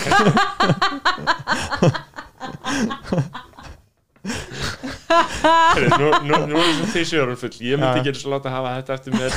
Agnes það var ömrætt að fá Agnes biskup, biskup. Agnes uh, bara Samt eh, smá legendary, smá Fyndið. ömulegt fyndið, skilur en, kannski ekki bara sniðið á okkar þörfum. Nei, Já. nei, nei. uh, Bara gaman að koma. Er Já, það ekki? Jú, mjög gaman að koma. Nú ertu gengin í skoðanabræðilega og þér mun vegna við framvegis, hvað er eitthvað svona eitthvað svona hópur eða eitthvað svona? Vi, við erum með Facebook-hóp sem heitir Skoðanabræðarlæð smetliði líka hanga. Já. Ok. og, Já, og, það ræðið við, það er svona, það er umræðið þáttur sko. Það er svona um það, þættina ykkar. Já, þessi stundum er það eru umræður. Skilurðu. þannig að þið fáið bóðið fólk í þáttinu viltu koma sem gestur til Já. þess að það fari síðan að tala um Já, já. þáttina við, við höfum meir- við höfum meiri sem sko sem Berglind þarna, festival var mjög án, óánað með. Já, um, já, já, æ, það var leðilegt Já, það var illa við. já, já. Þú veist, að því við sko við heldum vinstalda kostningu skilur hver var í besti þáttur í Og- hvað er best og- sem við gerðum með besti? Já, og þetta var, þetta var bara einhverju 16 ára brund kögglar sem kusa bara flóna á Aron Móla skilur já, já. Að, og uh, allir viðmælendur eru eða flesti hafi, eru meðlimir í hópnum þannig að þeir voru svona að sjá Já. Uh, sjá, sjá sig, þetta var mjög leðilegt illa vegið alls konar góða fólk. En, af hverju heldur við vinslega ég man ekki, en Berglind festival skoraði vel sko, það var alls ekki lægst. Nei. en, en ég er að muna, var þetta bara algjörlega búið þurru? Ég heldum við vinstalda kostningu eða gerði einhver annar í hópnum, gerði Maggi Sussi eða ekki ég veit það, Ég ég veit, man það whatever. ekki. Við skulum segja gerum þetta ekki þig, fyrir þetta var frábært, uh, Steini, guð bless sig og takk þarna- þess eitthvað lag, viltu eitthvað lag? Já. já, á ég að segja það já, núna bara segja hana uh, mér langar að setja hérna ó, hérna Honey með Honey. 070 Shake. Gera Já. það er mjög langt reyndar. Svona 6 mínútur. 6 mínútur og það má ekki stýta það því ég vil halda það þessum þætti sem Já, lengstum Það verður svona 2 klukkutum og 40 mínútur. Já, já, já. Að það- það verður það verður gáðan að sjá hvort að fólk hlusti alveg í gegn. Það verður- Honey með 070 shake Ralphið ég verið á Hack M3 Gjörðu svo vel Так. I barely even eat anymore. And we don't cry for sleep anymore. There's something I may try. This drink doesn't taste right. It wasn't like our drug.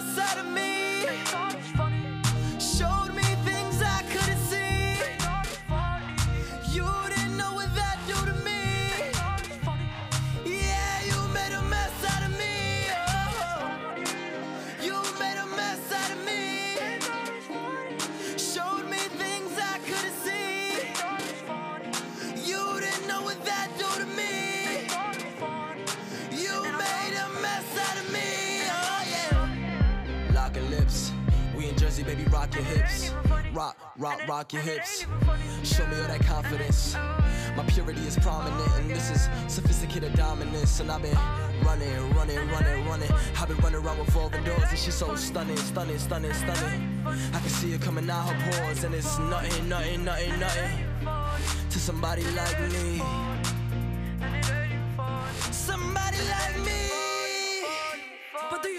funny, funny, funny. You know you love me, baby. Funny, funny, funny. Come on. Funny. Come on. Tell me, baby, do you love me, love me, love me?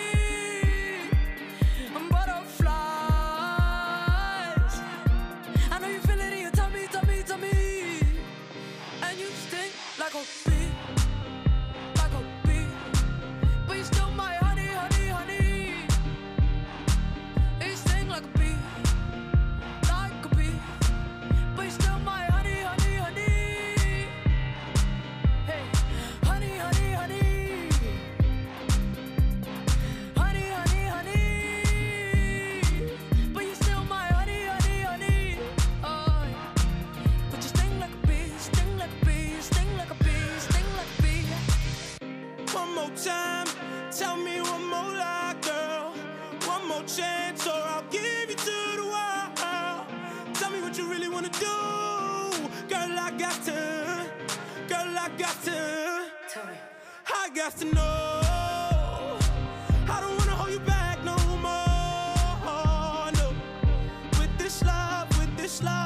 this love, oh. And do you still think you're funny, funny, funny? Funny, funny, funny. And do you still think I'm funny, funny, funny? Tell me, baby, do you love me, love me, love me? Love me, love me, love me. Love me oh,